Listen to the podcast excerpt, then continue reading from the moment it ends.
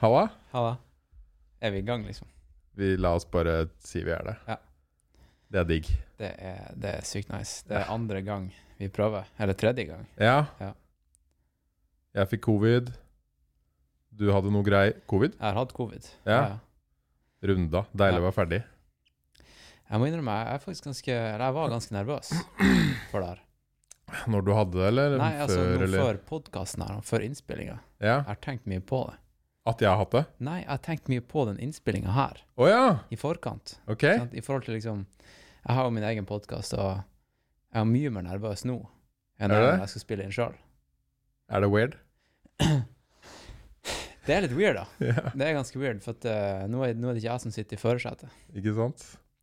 Og så er det sånn her eh, Kanskje sånn to-tre dager før eh, innspilling, så bruker man å tenke på liksom alle scenarioer. Mm. Man kan liksom tema man kan ta opp, og ting man kan prate om. Og så har man de dialogene, de fiktive dialogene, inni hodet. Ja, og så liksom på løpeturer og på treningsøkter, og mens du går på gata, liksom, så, så spiller du det ut, da. Ja. Så jeg har hatt masse prater med deg uten at du vet om det. Det er morsomt du sier det, fordi jeg hadde en sånn feberdrøm uh, når jeg hadde covid, Mm. om at jeg var åtte timer på Wolfgang Wee. Ja, ikke sant? Så sendte jeg melding bare 'Halla, du, jeg var hos deg i går'. Ja. Og da holdt han på å le seg i hjel. Men ei, for de som ikke vet, fortell om det du driver med, og din podkast. Jeg har en podkast som heter Nå er det alvor. Eh, og det er, vil jeg da si, en outdoors-podkast med mm, mest vekt på ultraløping og fjelløping. Så jeg intervjuer folk som driver med, med klatring, med, ja, med fjelløping, sykling, eh, skøyter. Jeg er gammel skøyteløper sjøl, så da blir det litt skøyter. Eh, og så folk som gjør litt sånne rare ting, da. Folk som tar det til det ekstreme. mm. Eh, jeg gidder ikke å prate med bare flinke folk og dem som vinner. Det er artigere å prate med dem som kommer litt sånn litt lenger bak, men som har litt interessant tilnærming, da. Eller de som vinner og har en helt crazy tilnærming, Mm. ikke sant? Eh, og med kanskje formidlingsevne og en eh, interessant bakgrunn, da. Det er det som også er interessant med podkast, at du veit egentlig ikke, før gjesten sitter der, om de har god formidlingsevne eller ikke. Nei, ikke sant? Det er viktig, altså. Ja. For jeg har hatt gjester her jeg har liksom, som f.eks. har vært på TV, da. Ja. Men som har vært veldig vanskelig å føre en lang samtale med. Mm. Og så omvendt folk jeg på en måte nesten ikke har hørt om før, som bare har sittet og babla, babla, babla. Babla. Nei, det, man vet aldri, altså. Mm. Man vet aldri. Men eh, ja, podkasten min eh, Jeg har holdt på nå i tror jeg, fire og et halvt år, kanskje. Så det har vært litt av en reise. Creds. Mm. Hvor lenge har, har du holdt på? Nå har jeg holdt på ett og et halvt år, kanskje? Ja. Mm. Fett. Fett. Det er kult med sånne indie-podkast, altså. Det er det. Det er det feteste. Det er piratradio. Det er det. Ja.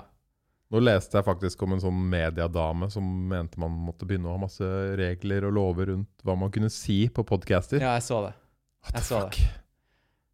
Ja, Kanskje de, de podkastene på Podme kan, eh, kan begynne med det, men uh, vi trenger ikke det. Nei, Nei. det blir liksom Da blir det opp med fingeren. Ja, altså, jeg driver fortsatt og sampler masse J. Dilla-beats og sånn der eh, midt inni podkasten. Nei, jeg vet at jeg sikkert uh, tråkka over noen streker der, men eh, det er litt av greia, da. tenker jeg. Mm. Så jeg husker jeg starta med, med webutvikling på sånn midten av 2000-tallet, da det fortsatt var veldig sånn her eh, fritt fram, ikke sant. Eh, akkurat da liksom bloggen var begynt å bli het, og det var ikke alle som kunne det, og det fantes ikke noe som het eh, Squarespace og sånn der. Det var, du måtte kunne kode, ikke sant. Og da var det, da følte jeg at det var litt sånn at eh, når jeg fikk opp min første nettside, så var det Plutselig konkurrerte jeg med liksom de store, VG og Dagbladet, ikke sant. Mm.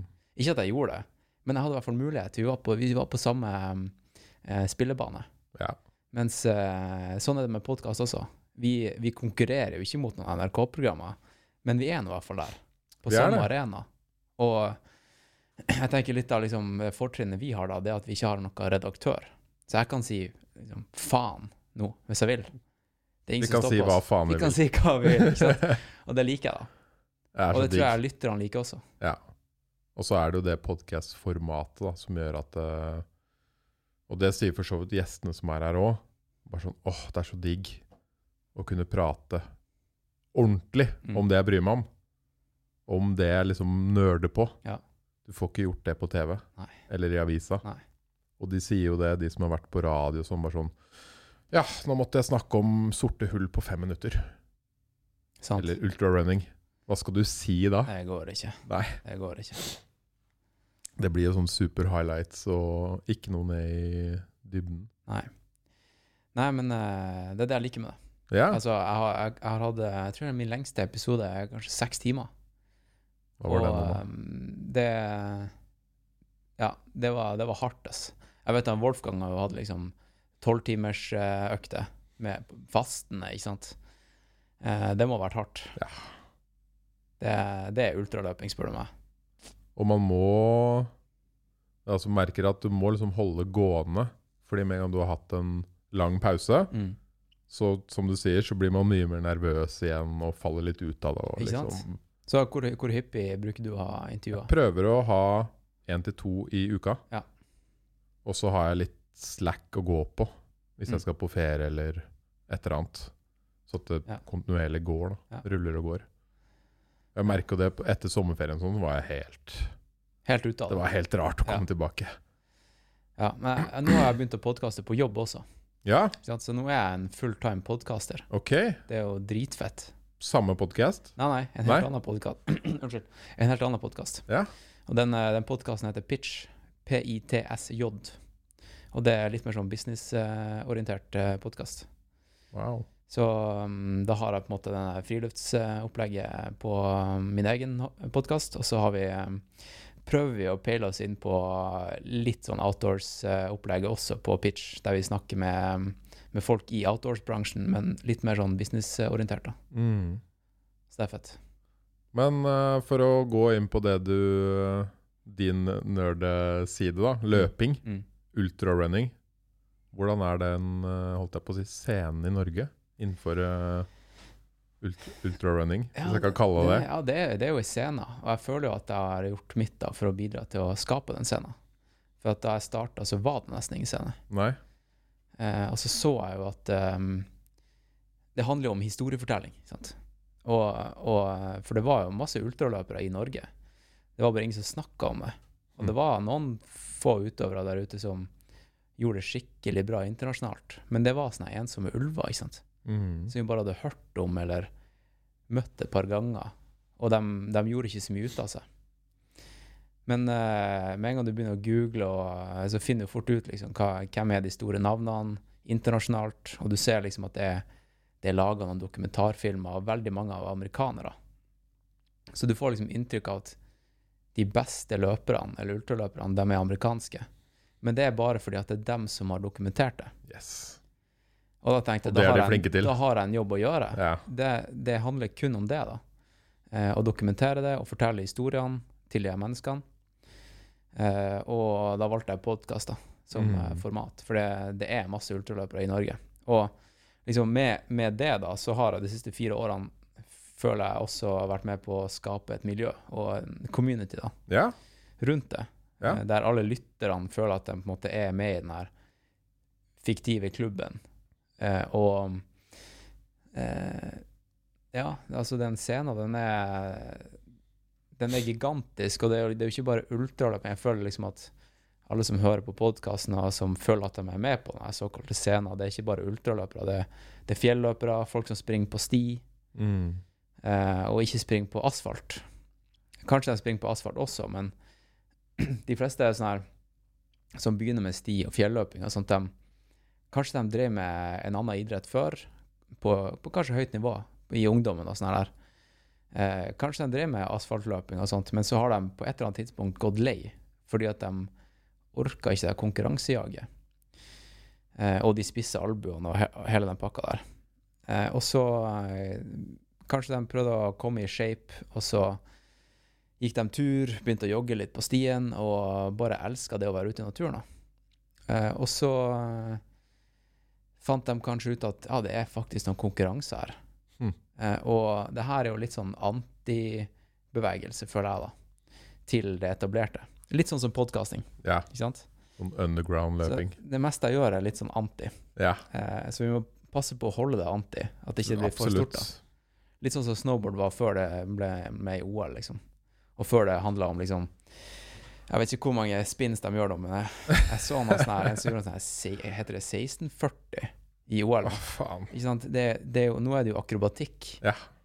Nå når de, nå når de um, driver med sånn freestyle-hopping Det er jo to varianter av sånn um, triksing på ski i OL. Du vet dem som liksom eh, kjører ned under ene uten staver og har på Mm. seg sånne raske briller. Eh, og veldig sånn eh, atletisk tar hendene opp i været, og så tar de bare ufattelig mange spins og lander i sånn bratt nedoverbakke. Yes. Og så har du det som han der eh, eh, Hva han heter Birk Ruud vant nå nettopp. Han, eh, han deltar jo det som Jeg tror det heter freestyle. Og det var faen meg nesten helt likt. Det var det. Ja, For det skal jo egentlig være at de, de skal ha vide bukser, store jakker, ikke raske briller. De skal på seg snowboardbriller. Og så skal de ha på seg kanskje ikke hjelm, til og med. Du skal være bare kule gjøre, du skal være kul. Ja. Men de Eh, gjorde det samme. De gjør nesten det samme. For nå handler det om spins. Mm.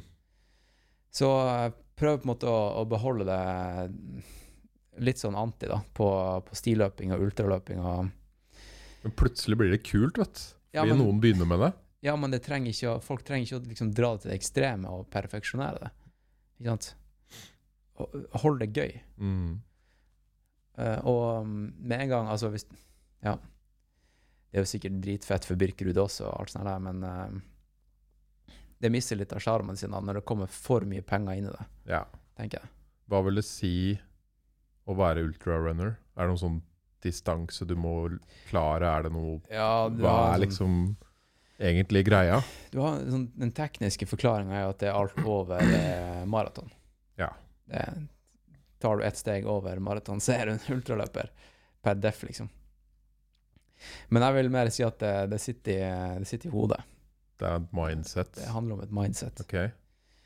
Den første boka jeg leste om ultraløping, den het eh, The Ultra Mindset. Jeg tror den var skrevet av en som heter Travis Macy. Og da handla det egentlig om hvordan du skal takle livets utfordringer. Og um, det, det handler vel basically om at uh, det blir vel egentlig aldri som planlagt. Ikke sant? Uansett hvor mye du planlegger. Og det, sånn er det et ultraløp. Altså, du kan, du kan uh, trene på de perfekte forholdene og, og alt det der, og trene på ernæring og, og sånt, men du kommer, å, du kommer til å sitte i fjellskrent på 3000 meters høyde og ha diaré midt på natta. Hodelykta di kommer til å knuses, og du, det kommer til å bli Sånt, sånt kommer til å skje, da. Uforutsette ting som liksom Alt, kan det skje, så kommer det til å skje. Ja. Så Men på maraton er det kanskje litt mindre uforutsette ting? Eller? ja, ja, ja. det er litt ja, ja. mer satt, du, ikke sant? Ja, ikke sant. Du vet at mest sannsynlig så møter du veggen, og det er det verste som kan skje. Kanskje du får magetrøbbel. Men that's it, liksom. Og worst case så får du ikke en pers. Men i ultraløping det er så sykt mange variabler Mm. at pers det er ikke noe du snakker om. Altså det handler om eh, Hvis du er, hvis du er um, competitive, da, så handler det om å få en bra, en bra plassering. Da handler det kanskje om å vinne. Mm. Men det handler ikke om tida du fikk. Det handler om at du klarte det. Og det, det er samme mestringsfølelse for vinneren, sånn som eh, den som kommer sist i mål, har. Alle, alle klarte det, liksom. Ja. Det er et, et ganske fett samhold. ja. For det, har du løpt eh, 100 miles eller 160 km i fjellet, og det var 2000 som starta det løpet, så er det like stor bragd for alle de 2000, vil jeg si. Hvor mange av 2000 klarer det, da? Ja, jeg tror nok nei, her, vanligvis eh, på et løp som ikke er sånn overteknisk eh, og kjempevanskelig, så vil jeg tippe at 75-80% fullfører. For det er det det handler om. Det handler om å fullføre. Ja. Så da, da er du der for å fullføre. Men forskjellen på det og maraton Maraton føler jeg ofte er sånn løpe rundt i en by fra A til B, holdt Ja, jeg på å si, i en, på asfalt ofte. Eh, ultra er oftere i skogen, på fjellet. Det er som regel det. Også, Ja. Det finnes jo mange varianter. da. Altså, du har jo også asfaltultra. Ja. Du har også baneultra. Løpe rundt og rundt på bane. det er hardt. Altså. Det er mindset. Men, mentalt, det er Ja. mindset. Har du prøvd det? Uh, det har jeg aldri prøvd. Nei. Jeg tror det, det lengste jeg har løpt på bane, kanskje, er kanskje rundt 40 km på trening. Mm. Men uh, du har jo dem som springer 24-timersløp på bane. Det finnes 48-timers. Det finnes Wow. seksdagers. Wow. Altså, folk gjør de sjukeste tingene. Men det er ikke det samme som et uh, 50 km fjelløp. Det er jo totalt det er helt forskjellig. Ja. Helt forskjellig trening, helt annen mindset, tilnærming til, til, eh, til løpinga. Den som springer flatt og uten noe hinder, som du får i fjellet, da, da handler det jo kun om uh, det som skjer oppi hodet. Mm. Hvis du er ute i fjellet, så kan du liksom lene deg på naturen. Du har alltid noe å, å tenke på. Du har liksom, enten er det myr, greiner, uh, kanskje du må klyve, det er superteknisk sti. Du holder hodet aktivt, da. Ja, vær og vind, du må hele tida liksom ta på deg jakke, ta av deg jakke, bruke staver eksempel, eller ikke sant. Du holder deg aktiv. Så ja, det er sykt mange varianter. altså. Mm. Hvordan har du trent opp ditt mindset, da? Mitt, uh, mitt mindset Jeg starta jo med Jeg starta med idrett da jeg var kjempeung. Jeg har drevet på med idrett siden jeg var Kanskje det første minnet mitt var Det første minnet mitt fra idrett, det var Det er ingen som tror meg, men det var VM på skøyter i Tromsdalen i 1990. Ja. Og det er ca. ett år etter at jeg ble født. ja, det var det. Ja. og da mener jeg at jeg husker at jeg satt på skuldrene til faren min på oppløpssida og, og så på det her, da. Det gjorde skikkelig inntrykk. Mm. Eh, og så, så begynte jeg å gå Altså, jeg tror på deg. Du tror på meg? Ja, ja. Jeg, jeg mener jeg husker så sykt mye ting fra jeg var ett år. Wow. Mora mi syns det er skikkelig creepy. Mm. ja, jeg husker ikke mye fra da jeg var ett år. Nei, men uh, altså nei, Og så, så begynte jeg jo med um, Jeg har gjort alle idretter, da. Uh, Skøyter, ski, svømming, håndball, fotball, snowboard, langrenn. Um, ja, løping nå, da. Og jeg har prøvd ja, Nå driver jeg med klatring også. Um, så jeg har vært veldig allsidig da opp gjennom årene. Så tok jeg skøyter til det ekstreme, da, og så ga jeg meg da jeg var 22.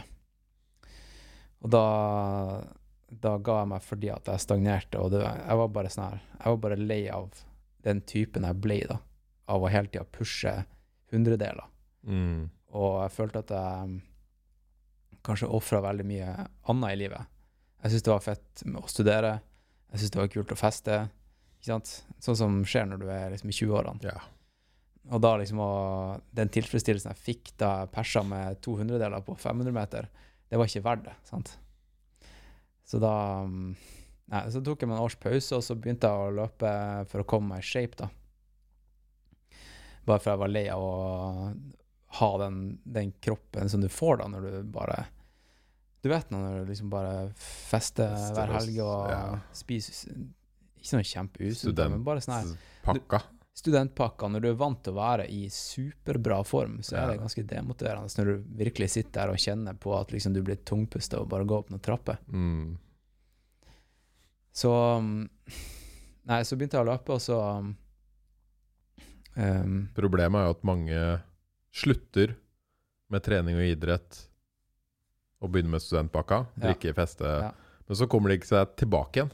Nei, jeg vet. Jeg vet. Det er det som er kjipt. Hvis du ikke kommer deg tilbake igjen, eller klarer å i hvert fall blande inn trening med festing. Ja. Det er sant, det. Men uh, det, som, det som gjorde det for meg, da, det var at jeg hadde en uh, kollega på den tida. Og da jobba jeg et sted der vi, vi jobba sykt mye. Det var Jeg gikk, jeg gikk på en smell der, da, men uh, han Vi hadde, vi hadde et sånn her En løpecoach som ble hyra inn av Nike i 2015, tror jeg. Og eh, det var et sånt tiltak for å få oss eh, opp og ut og Ikke sant? Eh, og så tror jeg vi, vi dro vel opp på Sognsvann, tre sessions der han skulle lære oss løpeteknikk. Og da var det én kollega som ble bitt av basillen. Han het Johannes. Og han, han begynte da å løpe maraton, og så begynte han med, ultraløping ganske fort da, etter det. Og så spurte han om jeg og et par kollegaer ble med til Tromsø for å løpe Tromsø Skyrace. Og eh, Tromsø Skyrace det er, det er to varianter. Det er en som er sånn 50 km, og den andre er 25. Ja. Så jeg meldte meg på den 25, da. Og han sprang den fulle greia. Og så gjorde jeg, jeg føler jeg gjorde det ganske greit, da. Sånn, jeg tror jeg kom på 24.-plass.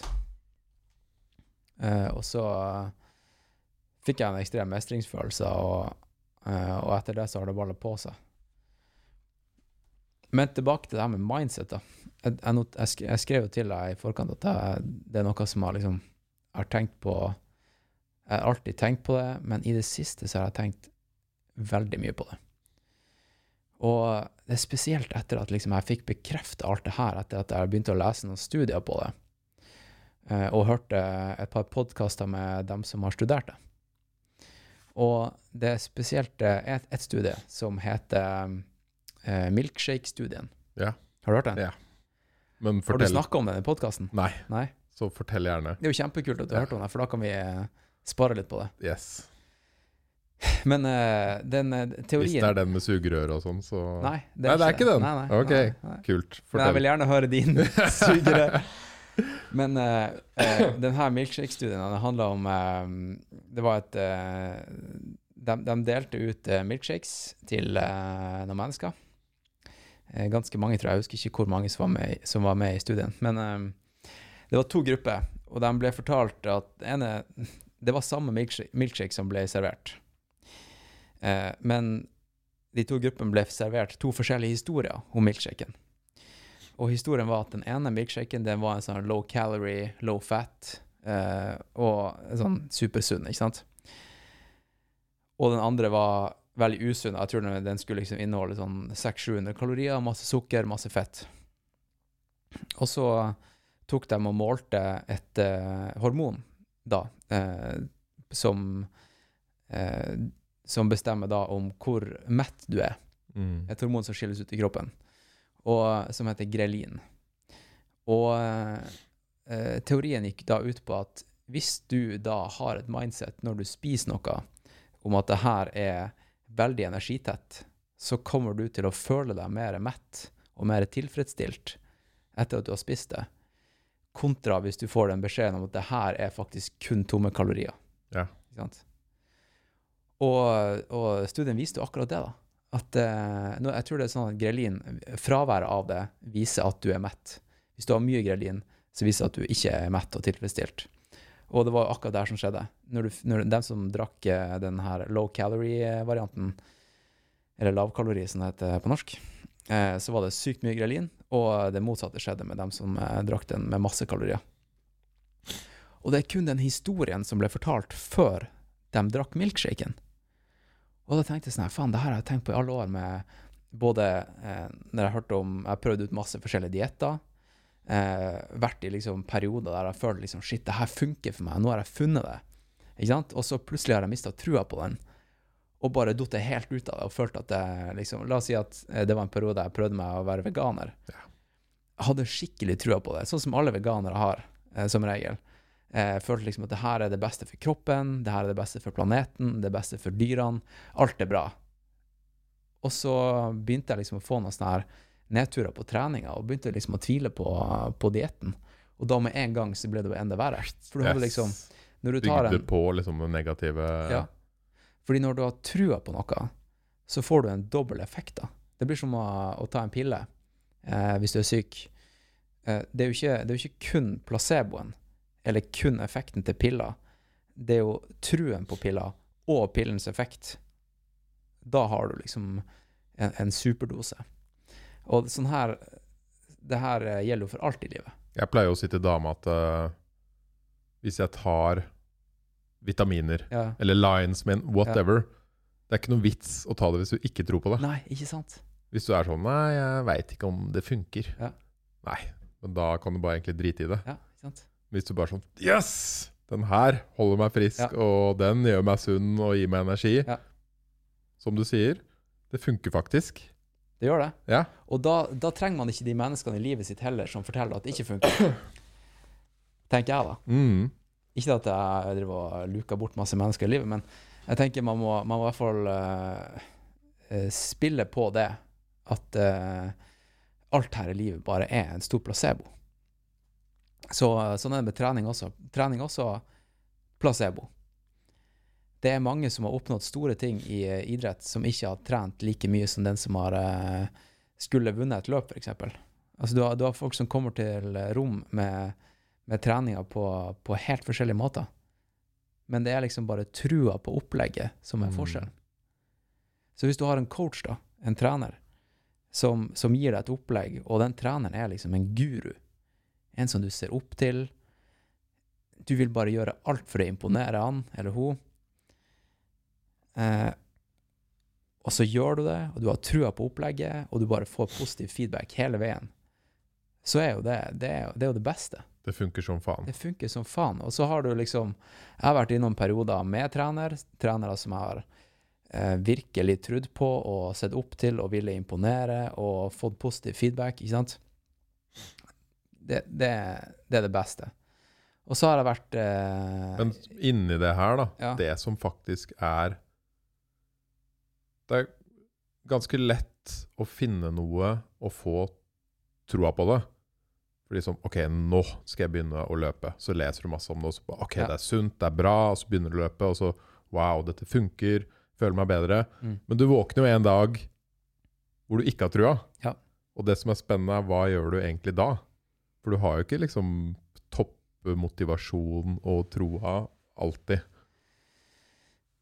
Da tenk, tenker jeg at eh, det hjelper å ha et mål. Ja. Og, da, og det målet tvinger deg til å i hvert fall gjøre noe. Og um, når du gjør noe, da, så kan du på en måte Altså hvis, hvis, hvis, hvis du vet at på kjipe dager, og det kommer kjipe dager, så skal du i hvert fall gjøre noe, så eh, kan du ta det igjen når eh, du får gode dager. Mm. Og da har du i hvert fall ikke eh, nådd bunnivå mens du har hatt kjipe dager. Det er i hvert fall sånn jeg tenker. da. Ja. At du kan ikke være supermotivert hele tida. Men så lenge du har en rutine der du, der du trener hver eneste dag, i hvert fall gjør noe, da, så tar det deg et steg nærmere. For det er kontinuitet som er viktigst. Mm. Ikke bare med løping, men med alt. Men hvordan skape gode mål? Du må finne mål som er rett for deg, da. Ja. Altså Enten så kan det være liksom kun på det personlige plan, der du ikke tenker at du skal delta i noe løp. Og nå snakker vi idrett, da. Siden jeg driver med idrett. Yes. Um, men du kan også ha liksom mål om å løpe så og så fort på en eller annen estetisk rute i nærområdet ditt. Uh, og noe som spiller inn på liksom hvor mye du har lyst på det målet. Altså det Enten så kan det være fordi at du har hørt på en podkast eller sett en dokumentarfilm om at det her løpet er the shit. Ikke sant? Det har 50 års historikk. De og de store løperne gjorde de og de tingene. Eh, det er mye historie på løypa. Da Da har du også lyst til å delta i løpet. Og så har du Så har du det andre, da, der du liksom bare finner deg ei rute i fjellet og, og tenker liksom Jeg vil være den første som gjør det her. Og jeg vil gjøre det så fort. Og ingen trenger å vite om det. Men jeg vil bare gjøre det for meg sjøl. Som personlig Ja, ikke liksom. sant? Og, og, og det som trigger deg, det er et bra mål. Det fins ikke objektivt sett et bra mål. Det må du finne sjøl. Og så er jo Har du lest Atomic Habits? Nei, men jeg har hørt altfor mye om det. Ja. ikke sant? Ja. For det de snakker om mye i den boka og veldig mange andre lignende bøker, Mm. er jo også at det er ikke bare målet som har noe å si, men prosessen rundt og hvordan du kommer til målet, Ja, ja. som har mye å si. ja, ja. ja men det er jo superklisjé, da. Ja. Men det er så sykt sant. Det er jo også. det. Ja, ja. Så det er derfor jeg liker å, å melde meg på ganske hårete løp, da.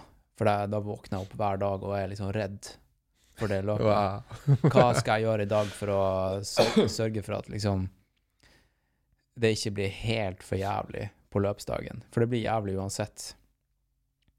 For det, et ultraløp er jo Altså, når du melder deg på et løp som er så langt som du aldri har løpt før, så er det jo som å melde seg på en bilkrasj på en gitt dato.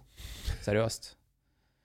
Jeg visste jo liksom i fjor, når jeg, jeg meldte meg på et løp som var 145 km i Alpene, nede i um, Som gikk fra 145 km, ja. Hvor mye var det maraton igjen? Eh, 42. Ja.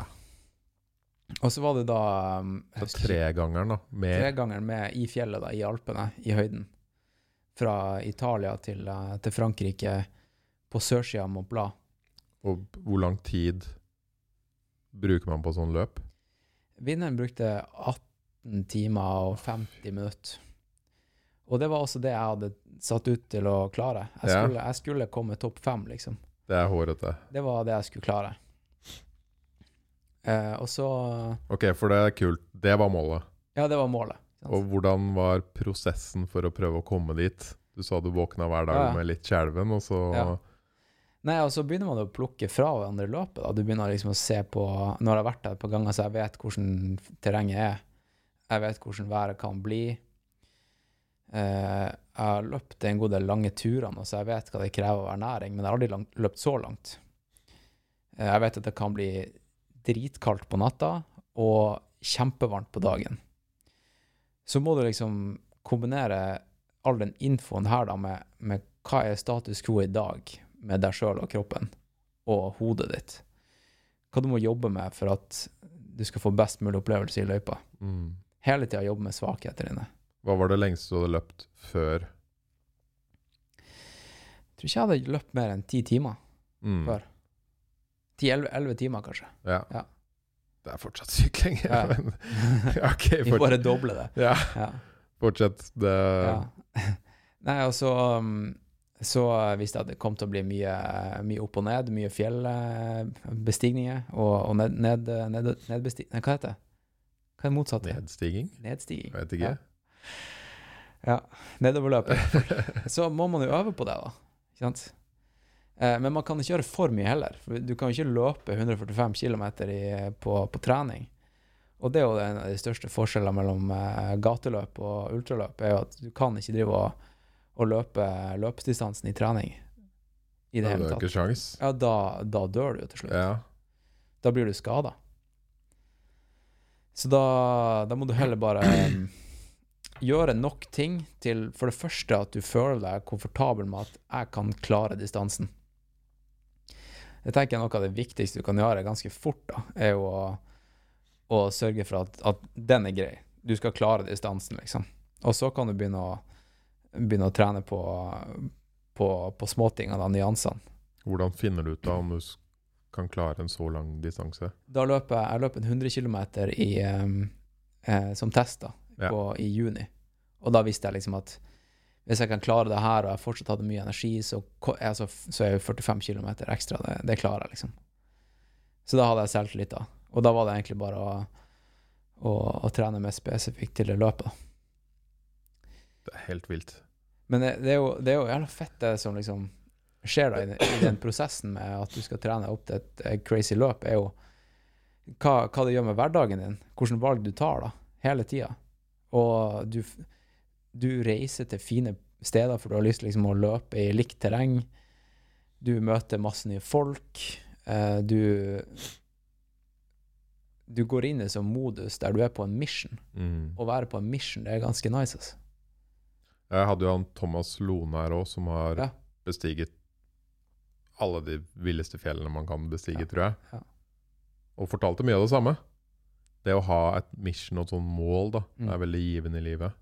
Og det får deg til å endre på veldig mange ting underveis. Eh, I forhold til hvordan, du, hvordan hverdagen din blir bygd opp. Ja, ikke sant. Og det her kan jo gå litt for langt også. Ja. Altså det, det kan virkelig balle på seg. Det var masse, noen eksempler på at folk har tatt det altfor langt. I hvert fall fjell, fjellklatrere og folk som driver med sånne ekspedisjoner. ikke man, det er ofte at uh, man har gjort noe drøyt, og så tenker man sånn her Den drøye følelsen jeg fikk der når jeg var ferdig, eller var sto på toppen av det fjellet, den følelsen vil jeg ha hele tida. Mm. Den var så god at jeg klarer nesten ikke å dra tilbake til kontoret og hverdagen. Det blir så sykt døvt da i, i forhold til det. Ja. Og det, det skjedde jo med meg. ja. Det er jo egentlig da jeg starta podkasten også, for fire-fem år siden. Det var jo at eh, jeg begynte å løpe, jeg begynte å gjøre det ganske greit. Jeg fikk dilla, fikk mestringsfølelse. Og så, så ble jeg tatt ut til, eh, til VM da, og løpe for Norge. Og så gikk det jo til hodet på meg ikke sant? med en gang. Oh my god, landslaget. Jeg kom aldri på landslaget på skøyter. Så det var litt sånn guttedrømmer, ikke sant. Og så, så begynte jeg å um, uh, Så gikk jeg ned. Jeg gikk ned til 80% på jobb for at jeg skulle kunne løpe mer. Jeg tenkte sånn her Når jeg først har muligheten til å løpe for Norge, så skal jeg gi alt jeg har i trening. Og da begynte den mission. ikke sant? Jeg var obsessed. Totalt obsessed, liksom. Og så Hvordan, på hvilken måte da? Jeg bare Altså, alt i livet. Alt handler om løping. Ja. Altså, jeg, jeg luka bort alt som ikke kunne dra meg nærmere målet mitt. Absolutt alt. Altså, jeg, så jeg, og jeg tenkte ikke over at det her var en, en, en ofring. Sånn var det bare. La meg, la meg tidlig hver kveld, sto opp eh, og bare gjorde akkurat de riktige tingene, trodde jeg.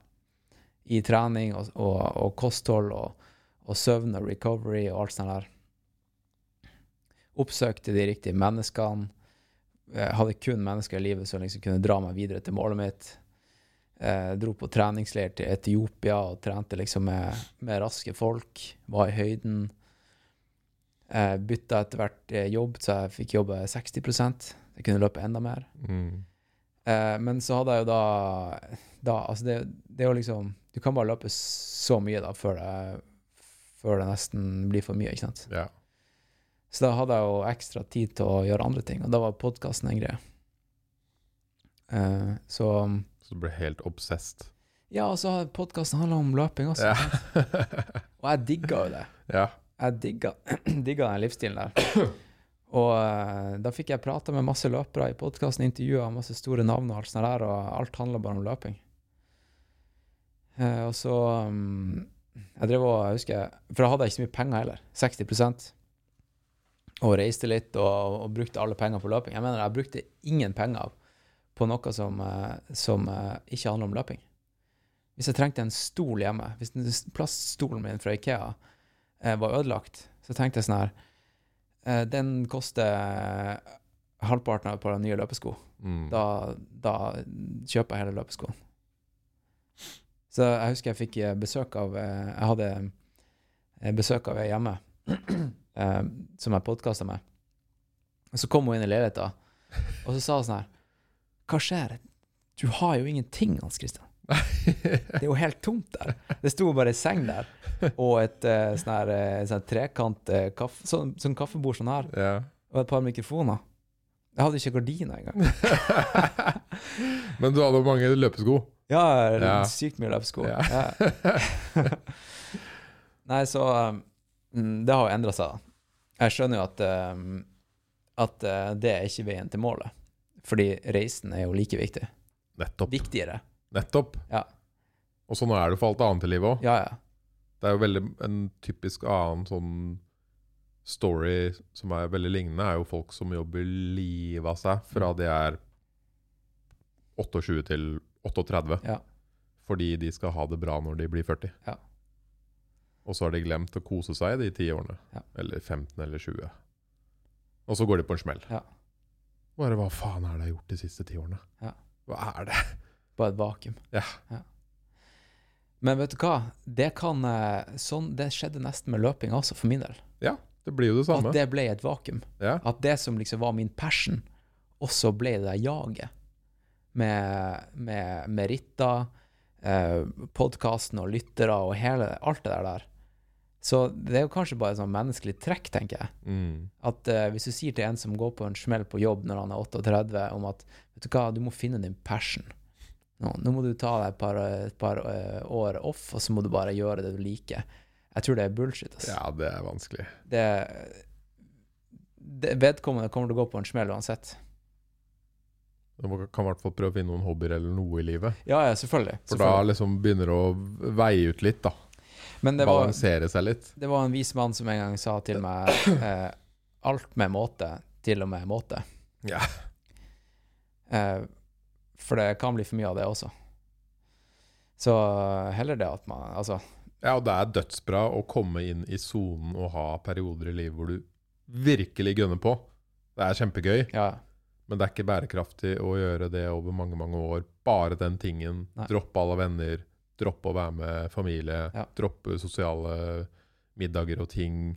Droppe å få nye nettverk og andre kun gjøre løping, da. Det er en eh, kar som jeg har prøvd å få med i podkasten, som heter Nils van der Poel. Vet du hvem det er? Han er Ah. skøyteløper. Ja. Han, satt nettopp, eh, han vant nettopp OL på 5000 og 10 000. Og han, eh, han har en sykt interessant historie. Og den går ut på da at han var jo en av de beste juniorløperne for mange år siden. Jeg tror han eh, Jeg lurer på om han vant junior-VM eller noe sånt der. Men han, han, eh, han ga seg i hvert fall, som junior. Og så dro han i militæret, ville bli fallskjermjeger. For han, eh, han følte da at når han var på topp som junior, så eh, Når han sto på toppen av den pallen der, så spurte han seg spørsmålet Var det verdt det? Og det samme spørsmålet som jeg stilte meg, ikke sant. Var det verdt det? Alt, alt som man har liksom ofra, og alle venner man har sagt nei til, alle gangene du ikke dro ut på byen og tok en pils, ikke sant. Og da var svaret hans nei, det var ikke verdt det. Nei. Så han slutta. Ja. Det fins mer i livet. Så han dro i militæret, eh, ble fallskjermjeger, og så så fant han vel ut det at eh, det var liksom ingenting egentlig som ga noe særlig mening. Så han kunne like gjerne gå på skøyter igjen.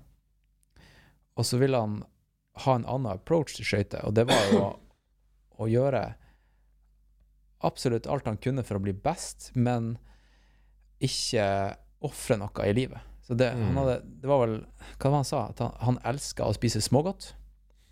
Han elska å henge med venner. Og han elska å trene hardt, og han elska å, å hoppe i fallskjerm. Hvis han kunne gjøre alle de, de fire tingene, eh, så, så trodde han da at han kunne bli den beste. Og det er akkurat det han gjorde, da. Mm. Og nå satte han verdensrekord på en ganske treg is i Kina, Wow. på, ti- på 10 000. 12 minutter og 30 sekunder, som en helt sjuk prestasjon. Og han er også en ultraløper. Han gjør helt sjuke ting på trening. wow. Han, eh, han har sprunget Ja, for han har det jo bra i livet. Ja, ikke sant? Og det her tar meg tilbake til det mindsettet Ja. om at eh, hvis du bare eh, luker bort alle stresshormoner og spiller på din egen placebo, og bare har det bra, så kommer du til å få en dobbel effekt av alt du gjør, som tar deg nærmere målet ditt. Mm. Og det er akkurat det han har gjort.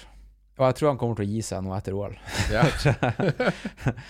eh, og bare hoppe fallskjerm eh, og løpe ultraløp. Men um, det er sykt interessant ass, Det er ekstremt interessant. hva det kan gjøre med Det minner meg litt om eh, Jeg så jo han der duden som gikk opp disse 15 fjelltoppene nå. Ja. Har du sett det Netflix? eh, 14. 14, ja. Ja. Og det var, han var jo så morsom Altså, han levde akkurat det du sier. Han likte å spise god mat, han likte å drikke litt øl. Han likte å kødde rundt med gjengen sin. Og så likte han å gå opp til de sykeste fjellene i verden. Ja. Og det kunne han like greit nesten gjøre fyllesyk, fordi mindsetet hans var riktig. Ja. Og da får du til alt. Ikke sant? Og han koser seg. Ja. Og jeg husker spesielt i den dokumentaren hvor han kommer til den campen hvor det er sånn 15-20 folk, og alle er deprimert, alle er negative, ingen vil gå på toppen av fjellet. Og så begynner han bare å lage en fest, og danse og kose seg og lage god stemning. Og plutselig viser det seg at mange har lyst til å gå. Sant? Det har alt å si, ass. Og så en annen, faktisk, en ultrarunner eh, fra USA. Jeg vet ikke hva hun heter, eh, men hun har vært på Joe Rogan. Mm. Hun er en av de vil- Courtney DeWalter. Sikkert. Mm. Blond, Ja. veldig glad. Ja.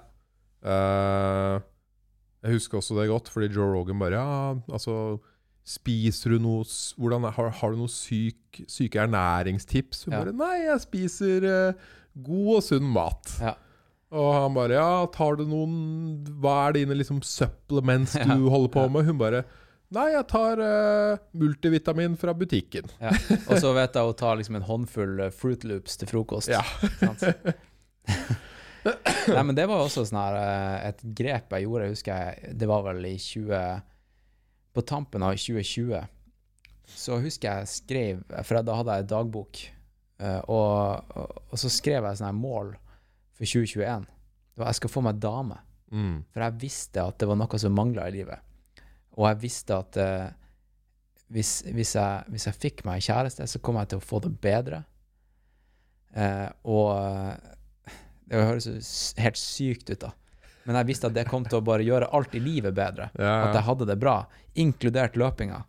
Så nå kommer sikkert dama til å høre på det her og tenke sånn Å nei, nå har du brukt meg for å bli bedre til å løpe. Men det er jo det er ikke tilfellet. Men, men det var i hvert fall i baktankene mine at jeg trengte det.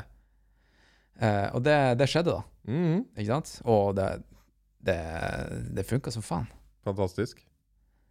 Funker som faen. Ja.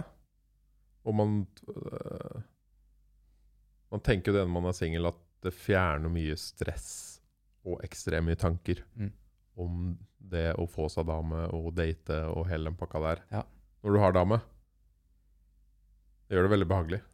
Det gjør det, ass. Ja. Ja. Hvert fall, i hvert fall ha, ha en dame som du er komfortabel med og trygg på, og um, det er ikke noe stress, liksom. Men det, slik jeg forsto det, så har du vært gjennom den der eh, Som du sa, den perioden i livet hvor du satsa alt. Ja. Du hadde ingenting i hjemmet ditt Nei. utenom løpesko Ja. og løpeklær. Ja. Og løpebøker. Og løpevideoer på YouTube. Og løpepodcast. Og du hang bare med løpefolk. Ja. Det, og du podkasta om løp, ikke sant? Ja, ja, Det var livet. Eh, hva er forskjellen liksom fra den tiden og nå? Uh, det I forhold til mindset og Mindset er helt sånn- annerledes. Ja. Eh, jeg har tatt tilbake, eller fått meg Jeg har flere venner utafor løpekretsen. Jeg kan ta meg en pils. Jeg kan være oppe seint en dag hvis jeg vil det. Jeg kan sove lenge. Og um, jeg presterer nok bedre i trening og løp. Mm. Så med å liksom ta tilbake de tingene jeg tok bort, men å ha et annet mindset til treninga og slappe mer av, da, så, så går det bedre. Hmm. Sykt interessant, da. Det er det. Ja. Det er tilbake til det vi snakka om i stad, med liksom positivt mindset rundt det du holder på med. Ja. Og det er klart, hvis du fjerner mye som egentlig er positivt i livet ditt, Mm. og tror at det gjør det bedre fordi du hyperfokuserer på én ting, Ja. over tid så gjør det det egentlig ikke så mye bedre. Nei, men på den tida så kanskje det var bedre for meg, fordi at eh, jeg mente Jeg trodde Mitt mindset var vinkla sånn at eh, det her må jeg gjøre for å få det bedre. Og da hadde jeg den placeboen med meg, da, om at Ja. det her må jeg gjøre for å få det bedre. Og så gikk det jo bedre. Jeg gjorde det jo bra. Og så skal det sies at det er en viktig del av læringsprosessen i livet Ja, ja. å ha hatt noen sånne runder. Ja, fordi uten det så hadde jeg, jeg hadde sikkert eh, Det hadde jeg sikkert bare utsatt et par år. da. Jeg hadde sikkert endt Mm. opp der uansett.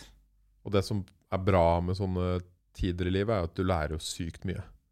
Ja, ja, helt Helt enormt. sånt. Ja, Du ja. bare nerder så Ja. vilt. Jeg er sikkert på spekteret på et eller annet plan. Så jeg kan eh, uten, at jeg, uten at jeg skjønner det, så gjør jeg dypdykk.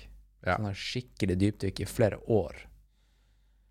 Og det er bare dem rundt meg som ser det, men jeg ser ikke det sjøl. Nei. Ikke sant? det er så digg å nøle på ting. Ja, ja. Ja. Hva du nøler på, da? Hva har jeg nøla på i det siste? Jeg har på en måte vært gjennom mange ting de siste årene. Mm. Ernæring. Uh, for så vidt forskjellige typer trening. Uh, har nøla på å lære meg mye om psykedelika, f.eks. Ja. Uh, vaner og disiplin. Og mye av det her er jo inspirert av selvfølgelig ting man hører på podcaster som fra Sant. USA. ikke sant? Man blir jo ganske inspirert av det. Og samtidig må man ta seg selv i det av og til. Fordi eh, Og det har jeg og eh, samboeren min snakka mye om. At man kan bli litt sånn eh, podcast-crazy i hodet av og til. Ja. Helt klart. Ja. Helt klart. For det er så mye informasjon, Ja, og alt er fett. Hvor, hvor mye hører du på podkast? Jeg, jeg mener at jeg, jeg Det kan gå, gå perioder en hel dag hvis jeg ikke er på jobb på jobb. At jeg bare, bare hører på podkast hele dagen. Ja. Og når jeg skal legge meg, så vet jeg ikke engang hva jeg hørte på. Nei, det er Det er bare, akkurat jeg klarer ikke å fordøye det. da. Så noen ganger noen må man ta, ta helt fri fra alt som heter bare innhold. Ja. Overinformasjon. Ja, ja, ja. Du blir bare overloada. Ja. Og du sitter der på kvelden til slutt bare Å ja, nå skal jeg bare spise som jeg kødder med på podkasten til. Nå skal jeg bare spise brokkoli i to uker. ja. Og så veit du ikke nesten hvorfor. Du Nei, har sant, hørt en eller annen ja. treningsperson som virker kul, si at det er bra for den personen. ikke sant? Ja, og så vet du aldri nå Altså, nå er vi jo en, en sånn Føler jeg en sånn podkastens æra, Mm. der eh, ikke bare er det sykt mye podkaster, men folk på gata de, refererer til ting de har hørt i podkaster. Ja. Og nå sitter vi i en podkast og prater om det, Yes. og jeg har sikkert nevnt masse ting i den podkasten her som jeg har hørt i en annen podkast. Definitivt. Eh, så det er mye sånn dårlig informasjon på avveie der ingen helt vet kildene, Mm. og, og hva som er basert på forskning, og hva som bare er bro science, og, um, og der det bare var liksom anekdotiske bevis. Og det er også litt farlig. Absolutt. Ganske farlig. Ja. Det er nok eh, veldig mange som havner i et ekkokammer. Ja. Eh, og eh, bare hører på podkaster som kan på en måte bekrefte deres teori, og crossfittere bare hører på, på eh, crossfit-podkast og hører at eh, paleo-dietten er den beste, og alle andre dem er bare Ja. bullshit, ikke sant? Innenfor eh, og sånn kanskje spesielt ernæringsekkokammeret Ja, ja. har jo blitt helt Ja. vilt. Det er helt crazy. Ja, nei, hva faen skal man spise til slutt, liksom? Hvis man hører på podkast, så blir man helt gal av de greiene der. Nei, men det, og det her tar meg igjen da tilbake til den mindset og den milkshake-studien. Ja. Jeg, jeg gikk jo en, en periode eh, skikkelig dypt inn i ernæring. Eh, luka bort alt som ikke gjorde meg til en bedre løper. Og det gikk jo over stokk og stein, sant. Jeg Hva veide jo endte du opp med da? Eh, altså Nei, altså, jeg spiste jo bare ubersunt. Mm. Eh, Det var ikke sånn at jeg spiste lavkarbo eller eh, var var på en spesiell diett. Eh, Det var nok ganske lite kjøtt, kanskje. Jeg spiste fisk. Eh, Masse grønnsaker. Altså bare sånne vanlige ting. Bare uh, ikke eh, prosessert mat. Men, uh, men jeg hadde nok et usunt forhold til mat. Ikke, ikke på den, ikke den forstand at jeg var anorektisk, eller noe sånt, men jeg angsta litt mye rundt når jeg, når jeg ble servert mat. Ja. Fordi la oss si at du drar i middag, og så får du servert noe som noen har laga til deg. Og så vet Unnskyld. Så vet du liksom at uh, sånn her skjer når man springer intervaller før podkast. ja, du har vært ute og gønna i dag, Ja, du. ja, ja. Nei, og så, og så Ja, OK, du får servert noe. Uh, la oss si at du, du er hjemme hos ei bestemor, og hun bare har stått hele dagen og kokkelert. Og så har du nettopp hørt i en podkast at uh, det der, det der er ikke bra.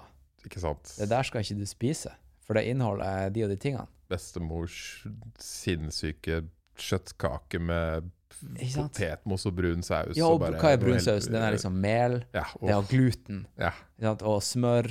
Og du begynner liksom å bryte ned mat til å bli de her komponentene, da. Og du ser på deg sjøl som en maskin, og ikke et menneske Mm. med følelser. Og, og um, når du da har alle de tankene i bakhodet før du skal spise, så er det jo nøyaktig det vi snakka om i den milk- milkshake-studien. At det mindsetet du har når du da spiser, påvirker hvordan du faktisk prosesserer den maten.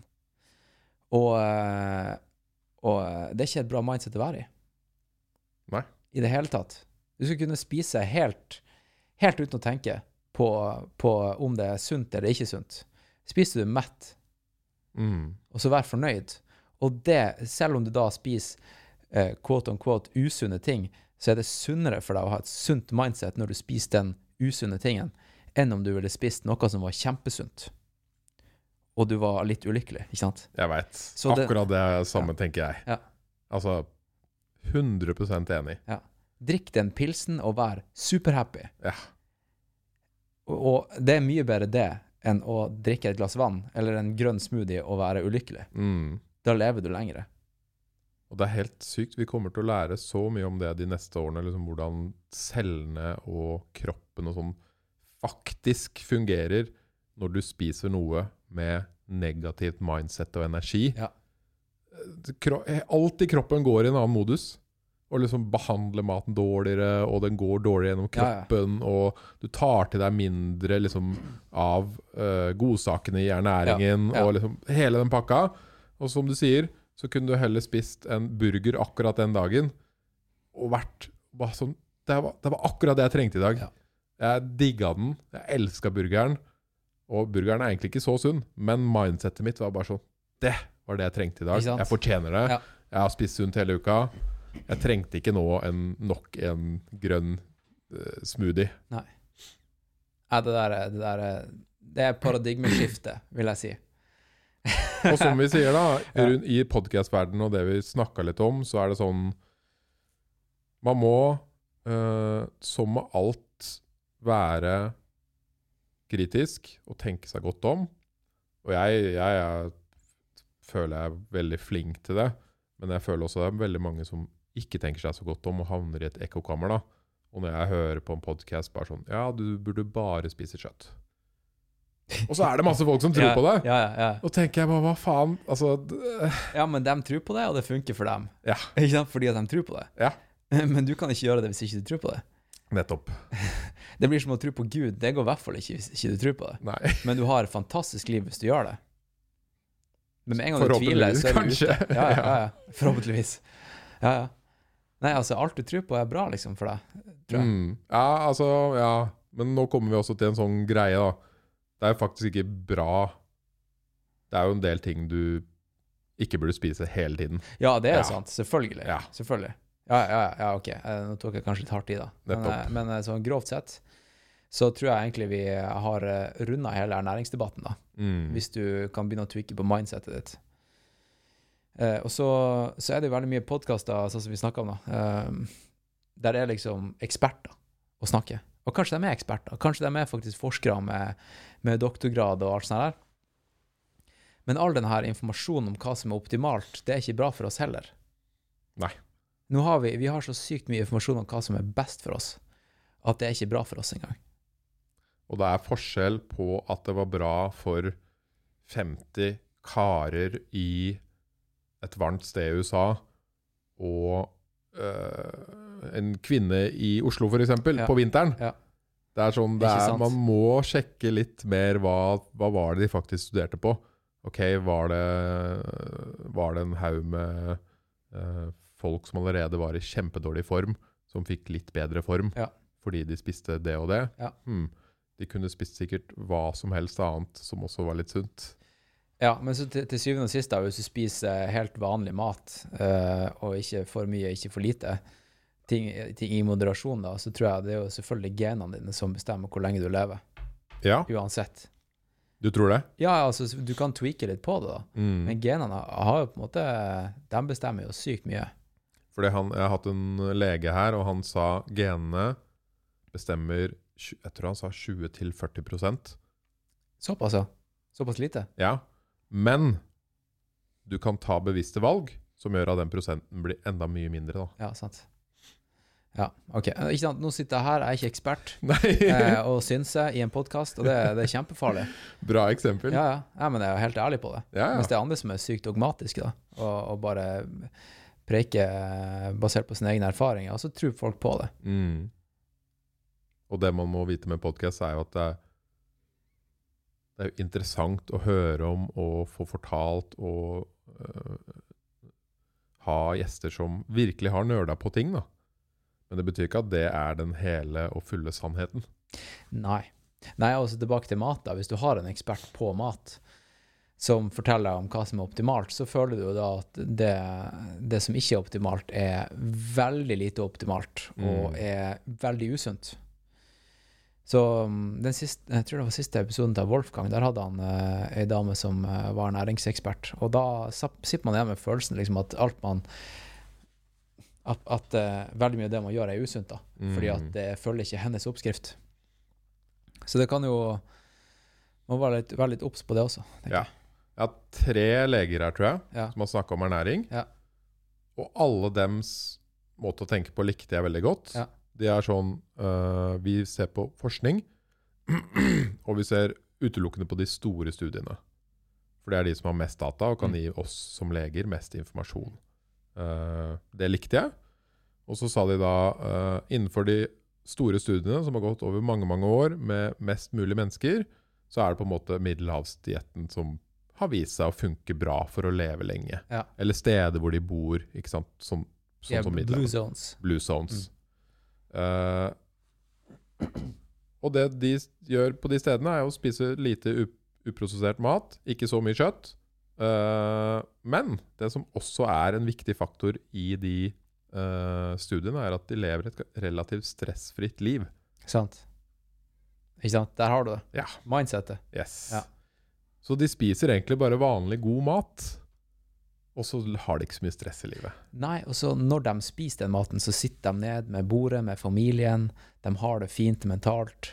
Det er ikke sånn at de, de bare hiver i seg en bagel på vei til jobb, ikke sant? Nettopp. Men det er jo ikke så lett å alltid replikere det i det moderne livet i en by. Nei, det er ikke Her, da. Nei. Nei. Det er mange som flytter ut av byen nå. Ja. Har du Det- tenkt? Hva tenker ja, du? jeg absolutt har tenkt det. Tenkt Ja. det lenge. Tenkt det lenge. Det I covid, eller? Var det det som fikk deg til å begynne å tenke på det? Eller? Nei, eller sånn, sånn jeg, jeg har jo Sånn eh, For å dra det litt lenger tilbake, da. For tre år siden så, så leide jeg ut leiligheten min. Og det er også et resultat av liksom min obsession. Jeg leide ut leiligheten min, eh, og eh, på ett år til et, eh, til et par som skulle bo i leiligheten min i et år, fra ju, juli til juli. 2019 til 2020. Og da, da Da dro jeg egentlig bare rundt og reiste. Og når du reiser mye, da, så, så ser du jo veldig mange andre typer levesett. ikke sant? Mm. Og da hele tida så Du vet etter du har vært på ferie og reist og tenker sånn her Her kunne jeg bodd. Her vil jeg bo. Og det er noen som gjør det, da, å flytte, ikke sant. Altså Om de får det bra eller ikke, det vet jeg ikke, men uh, man gjør seg opp noen tanker. Og jeg tror det viktigste er jo at du har folk rundt deg der du bor, som du er trygg på, og som uh, du trives med. Så det finnes jo mange fantastiske steder i Norge du kan bo, men du trenger jo fortsatt et miljø, da. Man trenger det. Ja, altså da, så eh, du, Man kan jo flytte et sted, og så kan man håpe at man kan få det miljøet, eller skape det miljøet, men det er ikke sikkert. Jeg tror det er det som hindrer mange. Men det er mange par som føler at uh, de trenger bare hverandre, som stikker ut av byen nå. Til landet. Mm. Kjøper seg et småbruk.